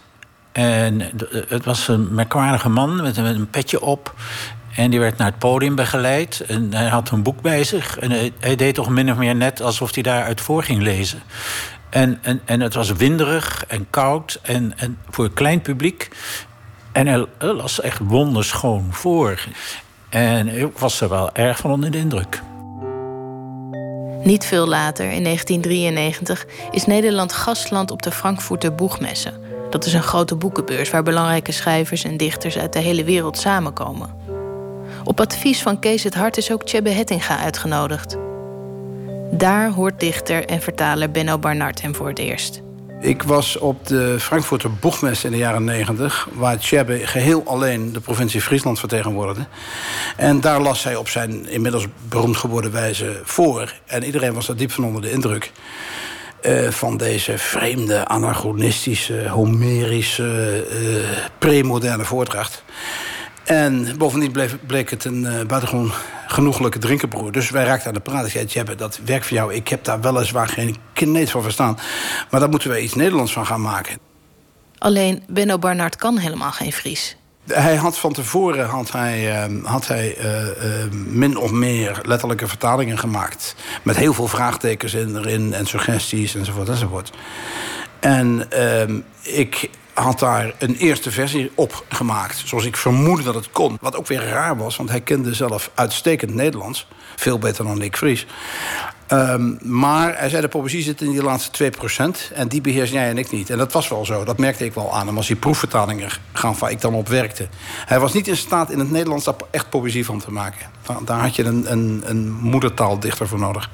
En dan, hij, hij, kon heel goed beoordelen of het goed was of niet. En soms zei hij, ja, ja, ja, dat is het. En dat kon soms vrij sterk afwijken van het, van het origineel. Als het maar poëzie opleverde. Als Hettinga's werk uiteindelijk ook in het Nederlands te verkrijgen is, wordt hij ook uitgenodigd voor optredens buiten Friesland. Zoals op Poetry International in Rotterdam. Vertelt Kees het Hart. Volgens mij uh, trad hij op bij Poetry International. En daar maakte hij met zijn voordracht diepe, diepe indruk terecht, want het is gewoon het is schitterend. En, en, ja, toen kreeg hij internationale naam en faam, grote naam en faam, volkomen terecht. En, en toen kun je zeggen dat, dat, hij, dat hij echt doorbrak. Ik vond het verbazingwekkend hoe arm Tjebbe was. Dat wil ik wel graag even zeggen. En dat heb ik altijd een schande gevonden dat zo'n grote dichter niet staatsgeld kreeg. Of, of, weet ik veel. Dus straatarme mensen waren dat. Dat vond ik zo raar altijd. Ik schande gewoon. Heb ik er ook wel met hem over gehad. Toen was hij van, nou ja, zeg maar, maak je niet druk. En, en, maar dat heb ik altijd heel raar gevonden. Wat was er zo goed aan zijn poëzie, volgens jou? Of wat is er zo goed? Ik wou dat net zeggen. Uh, ja, het is, het is de grootste taal. Hij zoekt het grootste gebaar, de grootste term. Uh, hij zoekt, hij, hij vermijdt grote clichés niet, maar die zet hij altijd op scherp. Hij heeft het wel over geluk en liefde. Dan denk je, nou, nou, nou, kan dat nog wel in poëzie? Maar bij hem kan het wel. Het lukt hem om dat weer opnieuw een lading te geven. Hij zet die clichés zet hij op scherp en laat ze opnieuw zien. En daartussendoor, in zijn beste gedichten, mengt hij dat met hele platvloerse beschrijvingen. Met de mond van Marilyn Monroe en van een boer die op een tractor zit. En, en die menging, die maakt het echt groot. Hij zoekt echt de grote traditie van de wereldliteratuur op. En die brengt hij naar het Friese platteland. Hij is moeilijk te vergelijken met, met uh, ze, uh, zeker niet met Nederlandstalige dichters. Het is gewoon Tjebbe Hettinga. Ja, en dan ben je een grote dichter. L'on sait van song van Mammon. Dit waarom kwam in hier en sek vol zilver dat het die mij bezitten zal. Zee on van een varensman. Dit maar de laatste zwarte weer van zijn snor speelt op het stwarrend straan van in westen. Het is alles wat moderne Nederlandse, maar ook Engelse, Franse, Duitse poëzie niet is. daar zit altijd een element in van intellectualisme of een element van ironie of dat soort. Dat heeft hij helemaal niet. Eh, in wezen schrijft Tjebbe boerengedichten vissersgedichten. Uh, gedichten in een soort mythische context. Hij hield erg van Griekenland. Maar Griekenland vereenzelvigde hij ook met Friesland. Dat, was allemaal, dat waren allemaal dezelfde. Het van de vogels, de wind, de zee, de vrouw ook niet in geringe mate eh, romantisch voorgesteld. Uh, ook de vrouw als verraadster trouwens en zo. Het gaat altijd over heimwee en, en, en liefdesverlangen. En, en, en dat, heel veel van die poëzie is in, verliefd, in verliefde toestand geschreven. Maar de hele toon van die gedichten, zeker als het gaat over vrouwen en verliefdheid en, en liefdesverlangen... dan stelt hij die vrouw voor als, een, als, een, ja, als iemand uit een, uit een, uit een, een Griekse mythe... of, of uit een, een, een oeroud sprookjesverhaal. En dan uh, loopt ze daar rond. En dan zijn haar armbanden natuurlijk slangen. Bijvoorbeeld, ik zeg nu maar iets. Of haar enkelbanden zijn slangen. Ja, in een modern westers gedicht schiet je dan in de lach. Zeggen van, bent u niet de warme de sprookjes van Grimm of zo. Bij hem neem je dit aan door de hele context, door de hele adem, de hele sfeer. Maar, maar het is alsof je het vertaalt uit een veel oudere cultuur. Um, zo moest je dat ongeveer, ongeveer voorstellen. He, kerels op motoren zijn dan bij hem ook een soort uh, ja, je, je, je, zit bijna in de sfeer van de fantasy wat dat betreft. De joen had ongemerken het houten hinder van de nacht beklom. En die hoed die na de eerste triek spant de beren van mijn begeerte strak als een ruimbogen. Benno Barnard vertaalt drie bundels samen met Tjebbe Hettinga. Maar in 2013 overlijdt Hettinga en dan ligt er nog veel onvertaald werk. Werk van vroeger, maar er is ook een nieuwe bundel. Alles wat nog niet vertaald is, vertaalt Barnard uiteindelijk met hulp van Tekke Opperwal, kenner van Hettinga's werken en initiatiefnemer van de postume verzameling die er nu ligt, en met de Fries-Nederlandse dichter Chet Branja. Maar soms kwamen ze er niet uit. Dat heeft te maken met de Friese grammatica, waarin bijvoorbeeld het woord voor onze mijn en jou hetzelfde is. Tjebbe gaf dan gewoon uitsluitsel. Die zei van nee, ik bedoelde dit. Ik dacht, het was altijd heel concreet en heel tastbaar. Het ging heel concreet daarover. Uh, ik geloof zelfs dat hij zich niet goed kon voorstellen dat iemand het anders kon interpreteren. Maar niettemin is dat zo als je, dat, als je alleen maar die tekst hebt en geen Tjebbe om het uit te leggen. Het maakt voor de lezer niet uit. Dankzij het werk van Barnard, Bruinja en Opperwal is het werk van Tjebbe Hettinga nu toegankelijk voor de mensen die de Friese taal niet machtig zijn. En dat is prachtig. En wie zich, net als ik toen ik 17 was, wil laten overrompelen door de mysterieuze, bezwerende voordrachten van Hettinga zelf, kan online terecht. Vannacht zal het voor eeuwig nacht wezen, nood de in de broze spiegels van het ondenken het licht ontvalt. En eren brekken in een holle, in een windstille plaats dat een blinde planeet al een ziel in omslingert die de dwarn dicht klap vindt, vensters mijn Een reportage van Tjitske Musche over de bundel Vaderpaard... met de verzamelde gedichten van Tjebbe Hettinga... in vertaling van Benno Barnard met hulp van Tjeet Bruinja... en Teken Oppenwal. De voordrachten van Tjebbe Hettinga zijn te vinden via luisterrijk.nl. Max Jury is een uh, jonge zanger uit uh, de Amerikaanse staat Iowa. Vorige week trad hij op in een Frans televisieprogramma, Telerama. En daar bracht hij een nummer dat uh, ooit bekend werd door de band Pavement. Dit is Spit on a Stranger.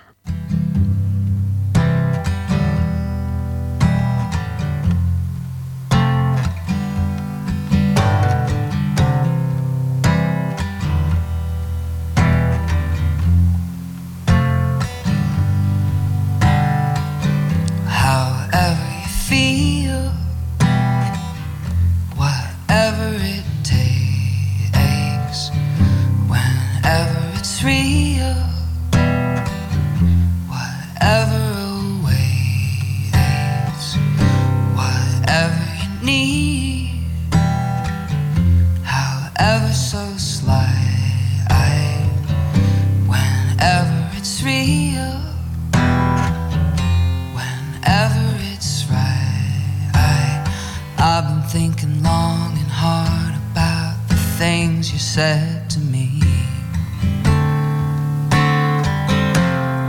like a bitter stranger. Now I see the long, the short, the middle, and the in between.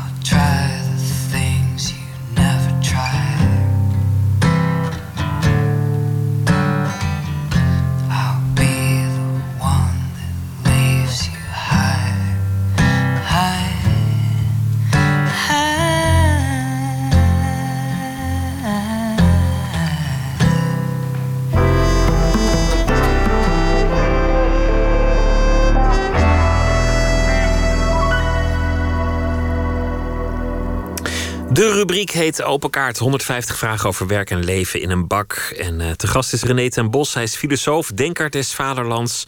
Schreef eh, meerdere boeken over de verhouding tussen mens en dier. Over de ecologische catastrofe die de mensheid heet te zijn. Over de ondoorzichtige transparantie van water. Theaterfestival Over het Ei is een locatietheaterfestival. En dat eh, vindt plaats in Amsterdam deze dagen.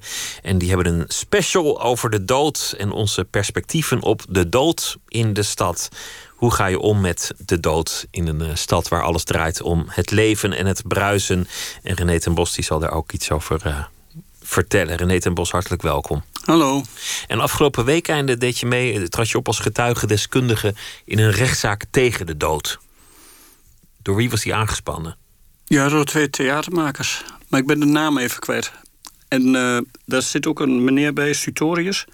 Die is hoogleraar uh, uh, rechten en rechtsfilosofie. En die is dan de aanklager. En dan zijn er mensen die het verdedigen. En er zijn mensen die, ehm, die in ieder geval van plan zijn om, om als getuigendeskundige op te treden. Wat natuurlijk heel grappig is, want getuigendeskundigen heb je heel weinig in zaken de dood. Ja, want niemand weet hoe het is, want niemand is er werkelijk geweest. Er zijn, mensen, ja, er zijn mensen die beweren van wel, hè. Die geloof ik niet. Nee, en je hebt heel veel mensen die heel veel ophangen aan de bijna doodervaring. Maar dan denk ik toch altijd, ja, bijna dood is niet dood. Kan niet een beetje dood zijn. Michel Foucault, de filosoof, die vlak voordat hij aan aids overleed, een paar jaar eerder, kreeg hij geloof ik eens een keer een auto-ongeluk. Waarbij het ook leek alsof hij uh, een loodje zou leggen. En hij zei daarover dat, uh, dat hij toen wist dat doodgaan dat het niet zo'n groot ding was. Dat het allemaal meeviel, dat, dat, het overschat is. Dat het overschat is, ja. ja dat weet ik nog. Uh, dat vond ik wel vrij indrukwekkend. Want filosofen die worden altijd geacht te weten hoe ze moeten sterven. Hè. Het is de kunst om te sterven. Dat is een hele oude definitie van uh, filosofie. Filosofie is leren sterven. Albert Camus heeft ook wel gezegd: uh, de zelfmoord, het gaat natuurlijk ook over de dood, is het enige wezenlijke vraagstuk in de filosofie. Dood en filosofie gaan hand in hand. Ja, het is een, mooi thema en tegelijk een onmogelijk thema. Wat, kun je erover zeggen? Uh, omdat de dood altijd iets is wat uh, voor ons volkomen absurd is.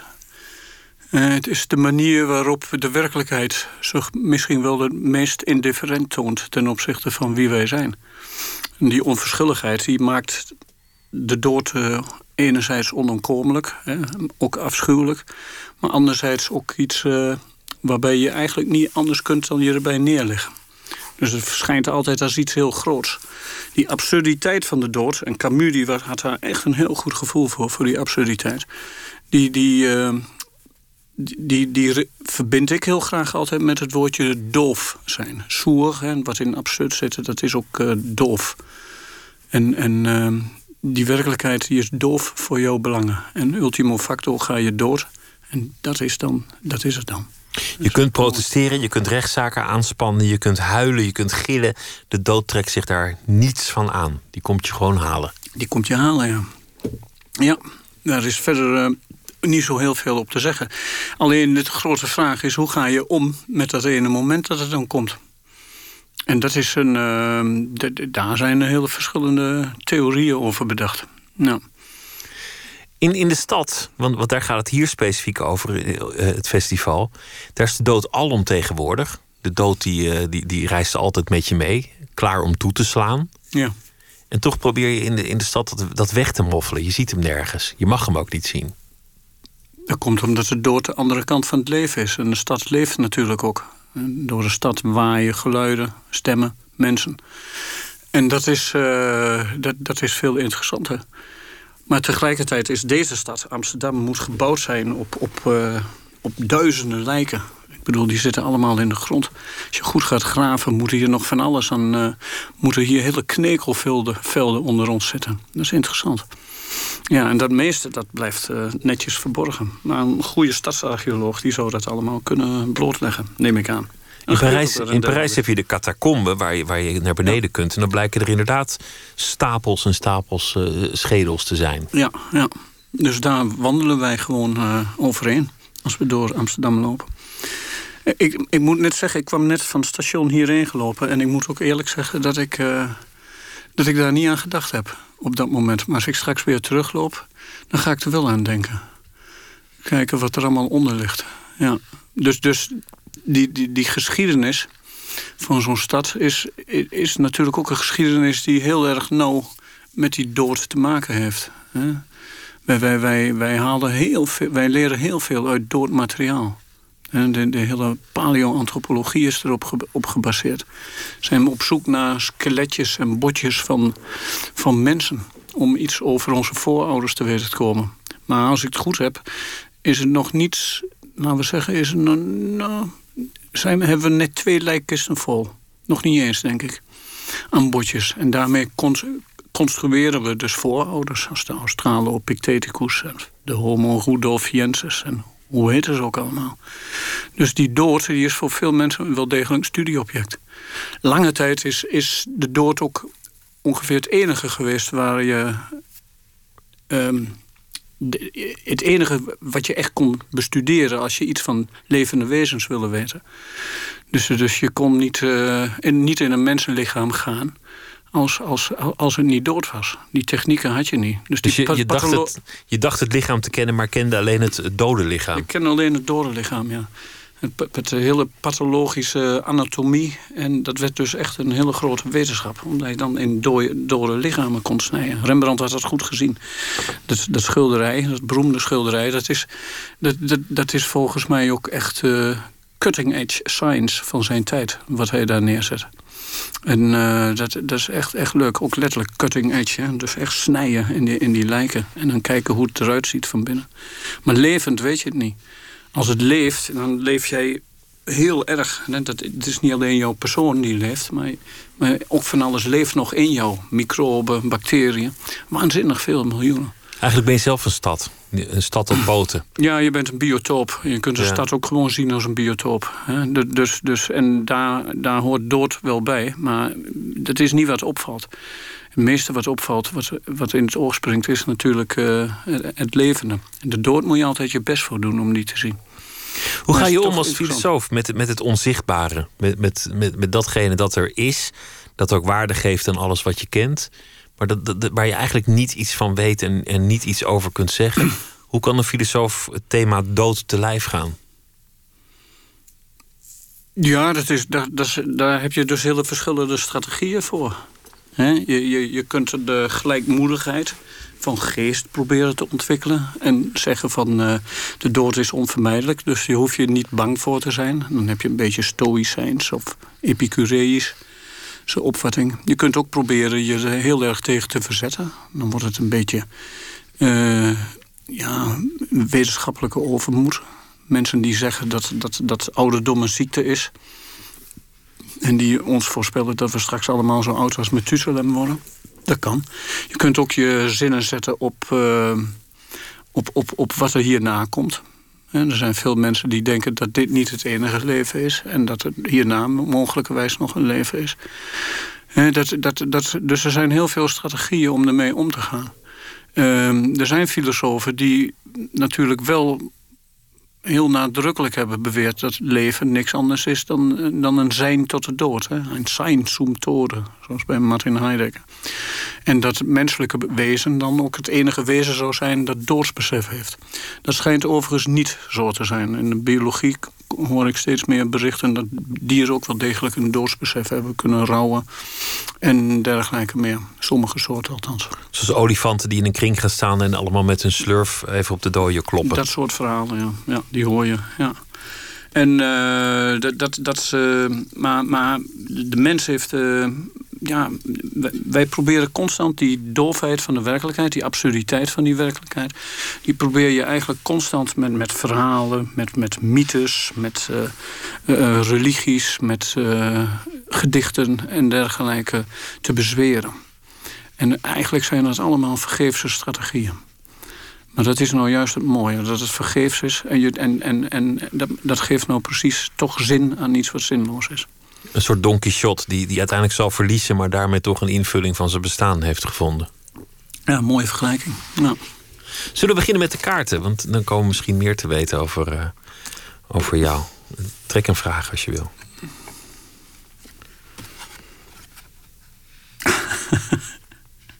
Wanneer heb je voor het laatst gehuild? Mm. De laatste keer dat ik echt huilde, dat had ook iets met de dood te maken. Ja. Ehm, Ja, dat is een persoonlijke vraag hoor. Maar goed. Ehm, de laatste keer dat ik gehuild heb was toen mijn moeder doodging. Maar niet toen ze doodging. Want ik was blij dat ze dood was. Ze leed aan een uh, hele vervelende ziekte. PSP, postsupranucleaire paralyse. En dat is zo'n aftakelingsziekte, een toenemende aftakelingsziekte. 1 op de 25 of 1 op de 50.000 mensen krijgt dat. Dus het is een hele zeldzame ziekte. Maar dat gun je niemand. Het is echt een hele vervelende ziekte. En ik weet dat ik eigenlijk wel opgelucht was toen ik hoorde... dat ze zich verslikt had in een aardappel en dat ze daardoor gestikt was. En ze schijnt zelf in die laatste momenten... ik was daar niet bij, ik was ergens anders, maar mijn dochter was erbij... in die laatste momenten schijnt ze ook... Uh, uh, het, eigenlijk welkom te hebben geheten. Dat die dood uh, er kwam. 77, bijna 78 jaar oud. En um, een paar dagen daarna moet je dat huis. Ze zat in een opvangtehuis. Nou, nou, nou hoe heet dat? Zo'n uh, ouderenzorg tehuis. Er was de hele tijd discussie om haar ook maar naar een zwaarder tehuis te brengen. Met, met betere zorg. Ze kon daar nauwelijks nog uh, zich handhaven. Maar dat zag ze erg tegenop. Dus in die zin kwam die dood ook als een troost. Maar je moet eenmaal, als dat gebeurd is, moet je die, uh, moet je die kamer leegmaken. Dat moet eigenlijk zo snel mogelijk. En net zoals veel andere oude mensen... dit was een heel leven dat daar in die kamer lag. Een enorme stapel rotzooi. En uh, ik heb daar iets van vier vuilniszakken aan kleren weggehaald. Jurken, broeken die mijn moeder had. En, uh, en die heb ik in mijn auto gegooid. En toen ben ik naar zo'n container gegaan waarin je kleren kunt gooien. En toen gooi ik die kleren weg. En toen dacht ik echt even van, ik gooi een heel leven weg. En daar moest ik ja. ja dat was de, laatste keer. Dat vond ik echt heel maf. Dat ik gewoon eh, de dingen waar zij aan hechten, dat ik die moest weggooien. En Al die kleren die ze had uitgekozen, waar herinneringen aan vast zaten. Ja, ja, ja, precies. Ja. Je gooit dan echt iets weg dat, dat veel meer is dan alleen maar uh, uh, textiel. Textiel, ja. ja, ja. Ik wist dat sommige jurken ook betekenis hebben. En mogelijk en hopelijk uh, worden die nu ergens gedragen in, in, in andere landen. Waar ze dit soort kleren goed kunnen gebruiken. Ja. Zullen we nog een vraag doen? Ja.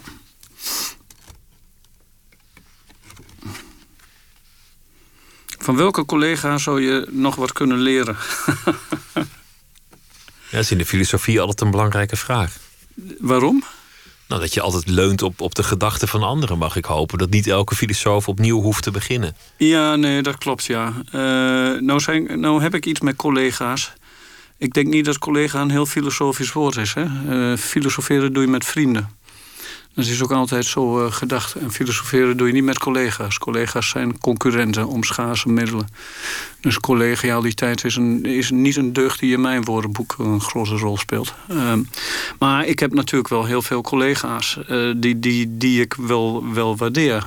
Uh, maar waar leer je van?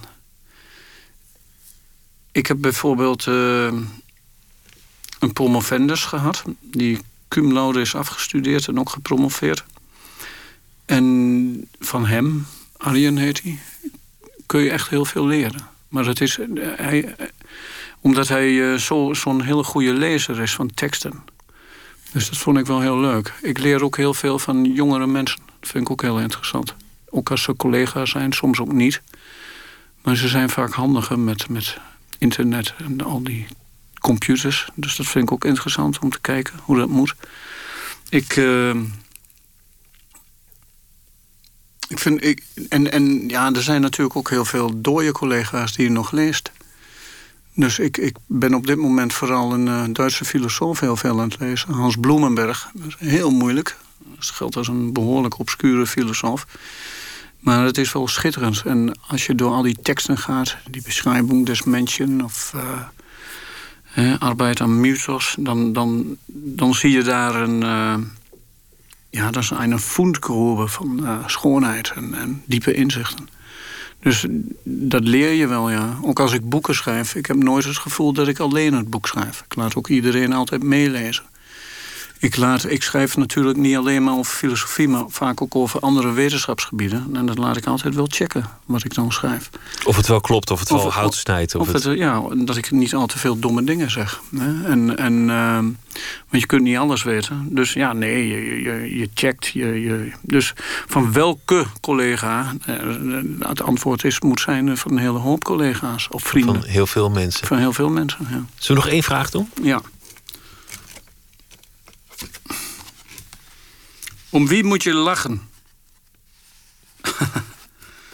um, ook hier weer een hele hoop mensen. Maar ik, ik ben erg enthousiast over uh, een Amerikaanse of uh, Australische stand-up comedian, Jim Jeffries heet hij. En die heeft een programma, moet je maar eens kijken. Elke holocaust, volkomen op de hoek. Echt niet correct. Uh, en toch heeft, heb je het gevoel bij hem dat hij helemaal uit het juiste hout gesneden is. Staat daar constant met bier een uur te vertellen. Echt in Australisch slang. En dan zitten hij de Amerikanen echt de huid vol te schelden... over wat voor idioten het toch allemaal zijn. En inderdaad, dat werkt onbedadelijk op mijn lachspieren. Jim Jeffries is de naam, ja. Ook wel leuk humor die niet mag. Want, want over de dood mag je eigenlijk ook nooit lachen. Hè? Lachen, lachen en de dood, dat zijn twee dingen die, die onverenigbaar worden geacht in onze cultuur. Grappen over de dood gaan vaak mis lachen na een begrafenis, dat wordt, wordt toch niet echt heel, heel kies geacht? Nee, nee, dat is niet heel kies, lachen na de dood. Aan de andere kant, uh, je kunt je wel doodlachen. Af en toe. Je, je kapot lachen gewoon, Je ja. helemaal kapot lachen. Dus, dus ik denk dat... dat uh, ik, ik weet ook wel dat, dat, dat... Nou ja, ooit ging er eens een hele goede vriend van mij, van mij dood. En, en uh, 47 jaar, hartaanval. En, en dat was een hele trieste gebeurtenis, dat weet ik nog wel.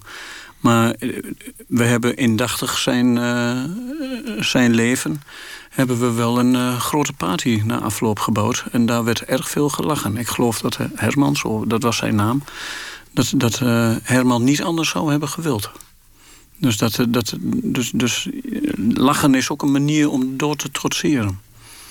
Om sterker te zijn dan de dood. Om gewoon sterker te zijn. En de niet en, en, en dus dus uh, het is misschien niet kies, maar doe je dat nou om de doden of doe je dat om de nabestaanden? Aan de andere kant, als ik denk aan uh, mensen die echt heel voortijdig gaan, en, en bijvoorbeeld door moord, denk aan die meisjes op de Veluwe, daar valt helemaal niks te lachen. Nee. Dat, dat is zo triest. Dus dat is, uh, dat, dat, dat, is weer, ja, dat is weer iets anders. Je hebt dood en dood. Ik weet ook wel dat, dat, dat, dat sommige begrafenissen... nou ja, dan, dan, dan weet ik wel dat er flink gelachen wordt. Ja. Dat kan, maar dat heeft dan ook meest, meestal te maken met een oordeel dat we vellen... over de rijkheid van het leven dat geleefd is. Dus is dat leven heel rijk... en eindigt het niet voortijdig of armzalig of armentierig... en uh, is dat leven heel goed geweest... dan, dan hebben de mensen er doorgaans wel uh, vrede mee. Morgen uh, op het Over het Ei Festival. Over de dood en de stad. René ten Bos, dank je wel. Graag gedaan. Rai is een formatie bestaande uit de Canadese zanger Milosh en uit Denemarken Robin Hannibal. In 2013 kwam het eerste album uit, Woman. En nu is er een nieuwe plaat. De titel daarvan is Please. En dit is het titelnummer.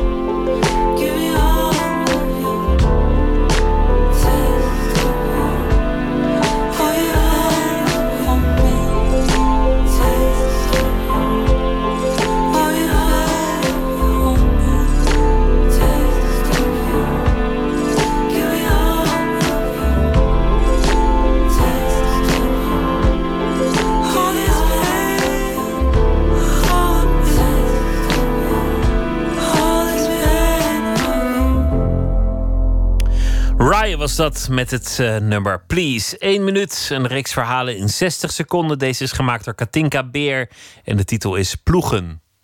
Pst, 1 minuut. Je gaat erheen en dan denk je bliksem met een groot stuk. Dan denk je, nou, hoe laat zou ik daarmee klaar zijn? Met oud en nieuw heb ik een keer hele oudejaarsdag en nieuwjaarsdag. En de nacht erop heb ik ook doorgewerkt. Achter elkaar door. 24 uur, maar uh, eigenlijk liever niet. 16 uur, dat doe ik wel. Maakt me niet uit. Radio NL heb ik er altijd op. En dan zit je op een hele mooie, lekkere trekker. Kacheltje erbij. En je bent constant bezig met een vierschaap ploeg. In gevecht met die bodem om dat netjes om te krijgen. Dat vind ik dus heel leuk werk. Moet je steeds in de gaten houden. Achterom kijken.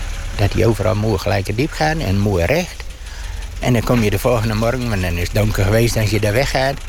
En dan denk je, oh, ligt er wel aardig bij.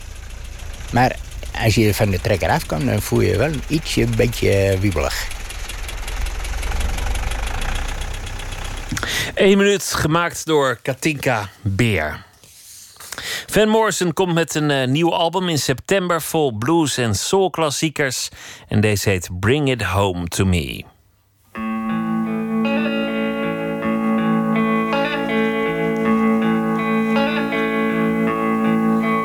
If you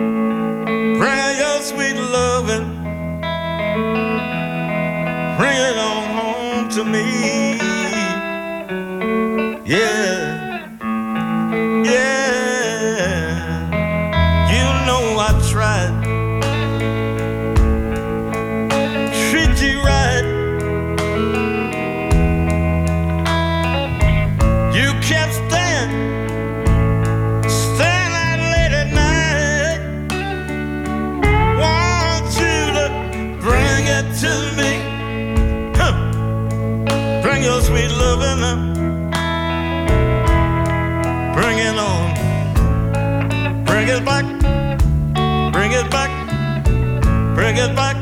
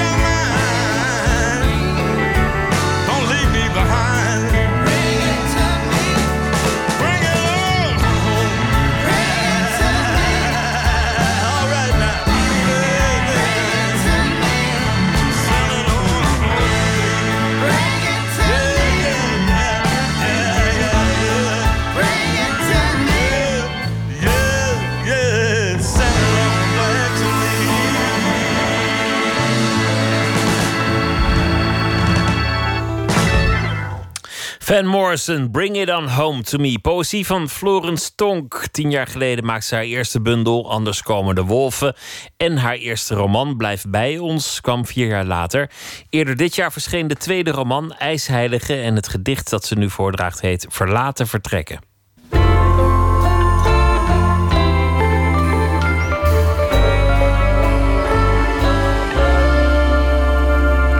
Verlaten vertrekken. Hij kan het iedereen aanraden. Ergens een leeg huis, lege kamers. In tijden als deze van storm en regen. Met verlaten vertrekken voor een tijd van verlaten. Vrees willen vergeten. Stil, sereen, op krakende vloeren na. En een boom voor de troost. Tegen de blinde muur waar je in de keuken op uitziet. Roken kan, ook heel stil, in het raam. Ze kan het iedereen aanraden. Veelvuldig neuken in lege kamers, op een eenpersoons luchtmatras of op de grond, als het maar naakt is. Geen kleren aan, zoveel mogelijk raken van andere huid. In een tijd van kapotmaken, verlaten, samen aanraken, samen komen. En het mag koud zijn. Muziek is niet nodig of eten. De kachel hoeft niet eens aan, als maar samen. Ze kunnen het iedereen aanraden. Weggaan. Vertrekken, durven laten, niet langer slikken, maar dolen, zo min mogelijk eten, niets meer weten, niet waar je woont, niet waar je bent gebleven, alleen bij die huid en die andere stem, en maar zoeken naar schuilplaatsen, stille cafétafels, tijdelijke kamers, een plank, een scherp mes, een pan en wat lakens, meer niet.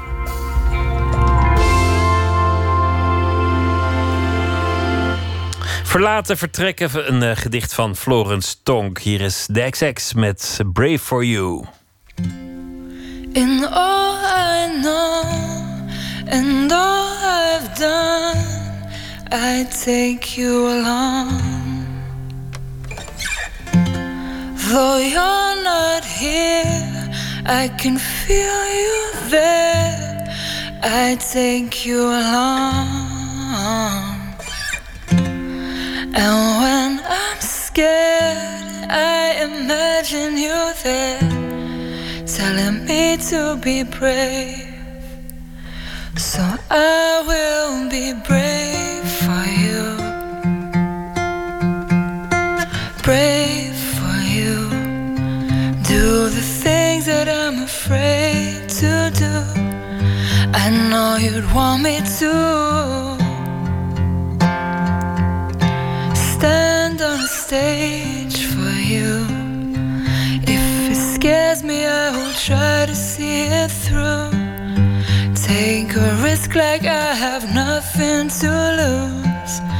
I know you'd want me to. I see things change and I watch them grow. And I know you do too things don't make sense. I have courage because of you. And when I'm scared, I imagine you there, telling me to be brave. Oh. There are things I wish I didn't know. I'll try my best to let them go. De XX met uh, Brave for You. Dit was Nooit meer slapen voor deze nacht. Morgen komt Marten Reuling op bezoek, kunstenares. En uh, voor nu een hele goede nacht.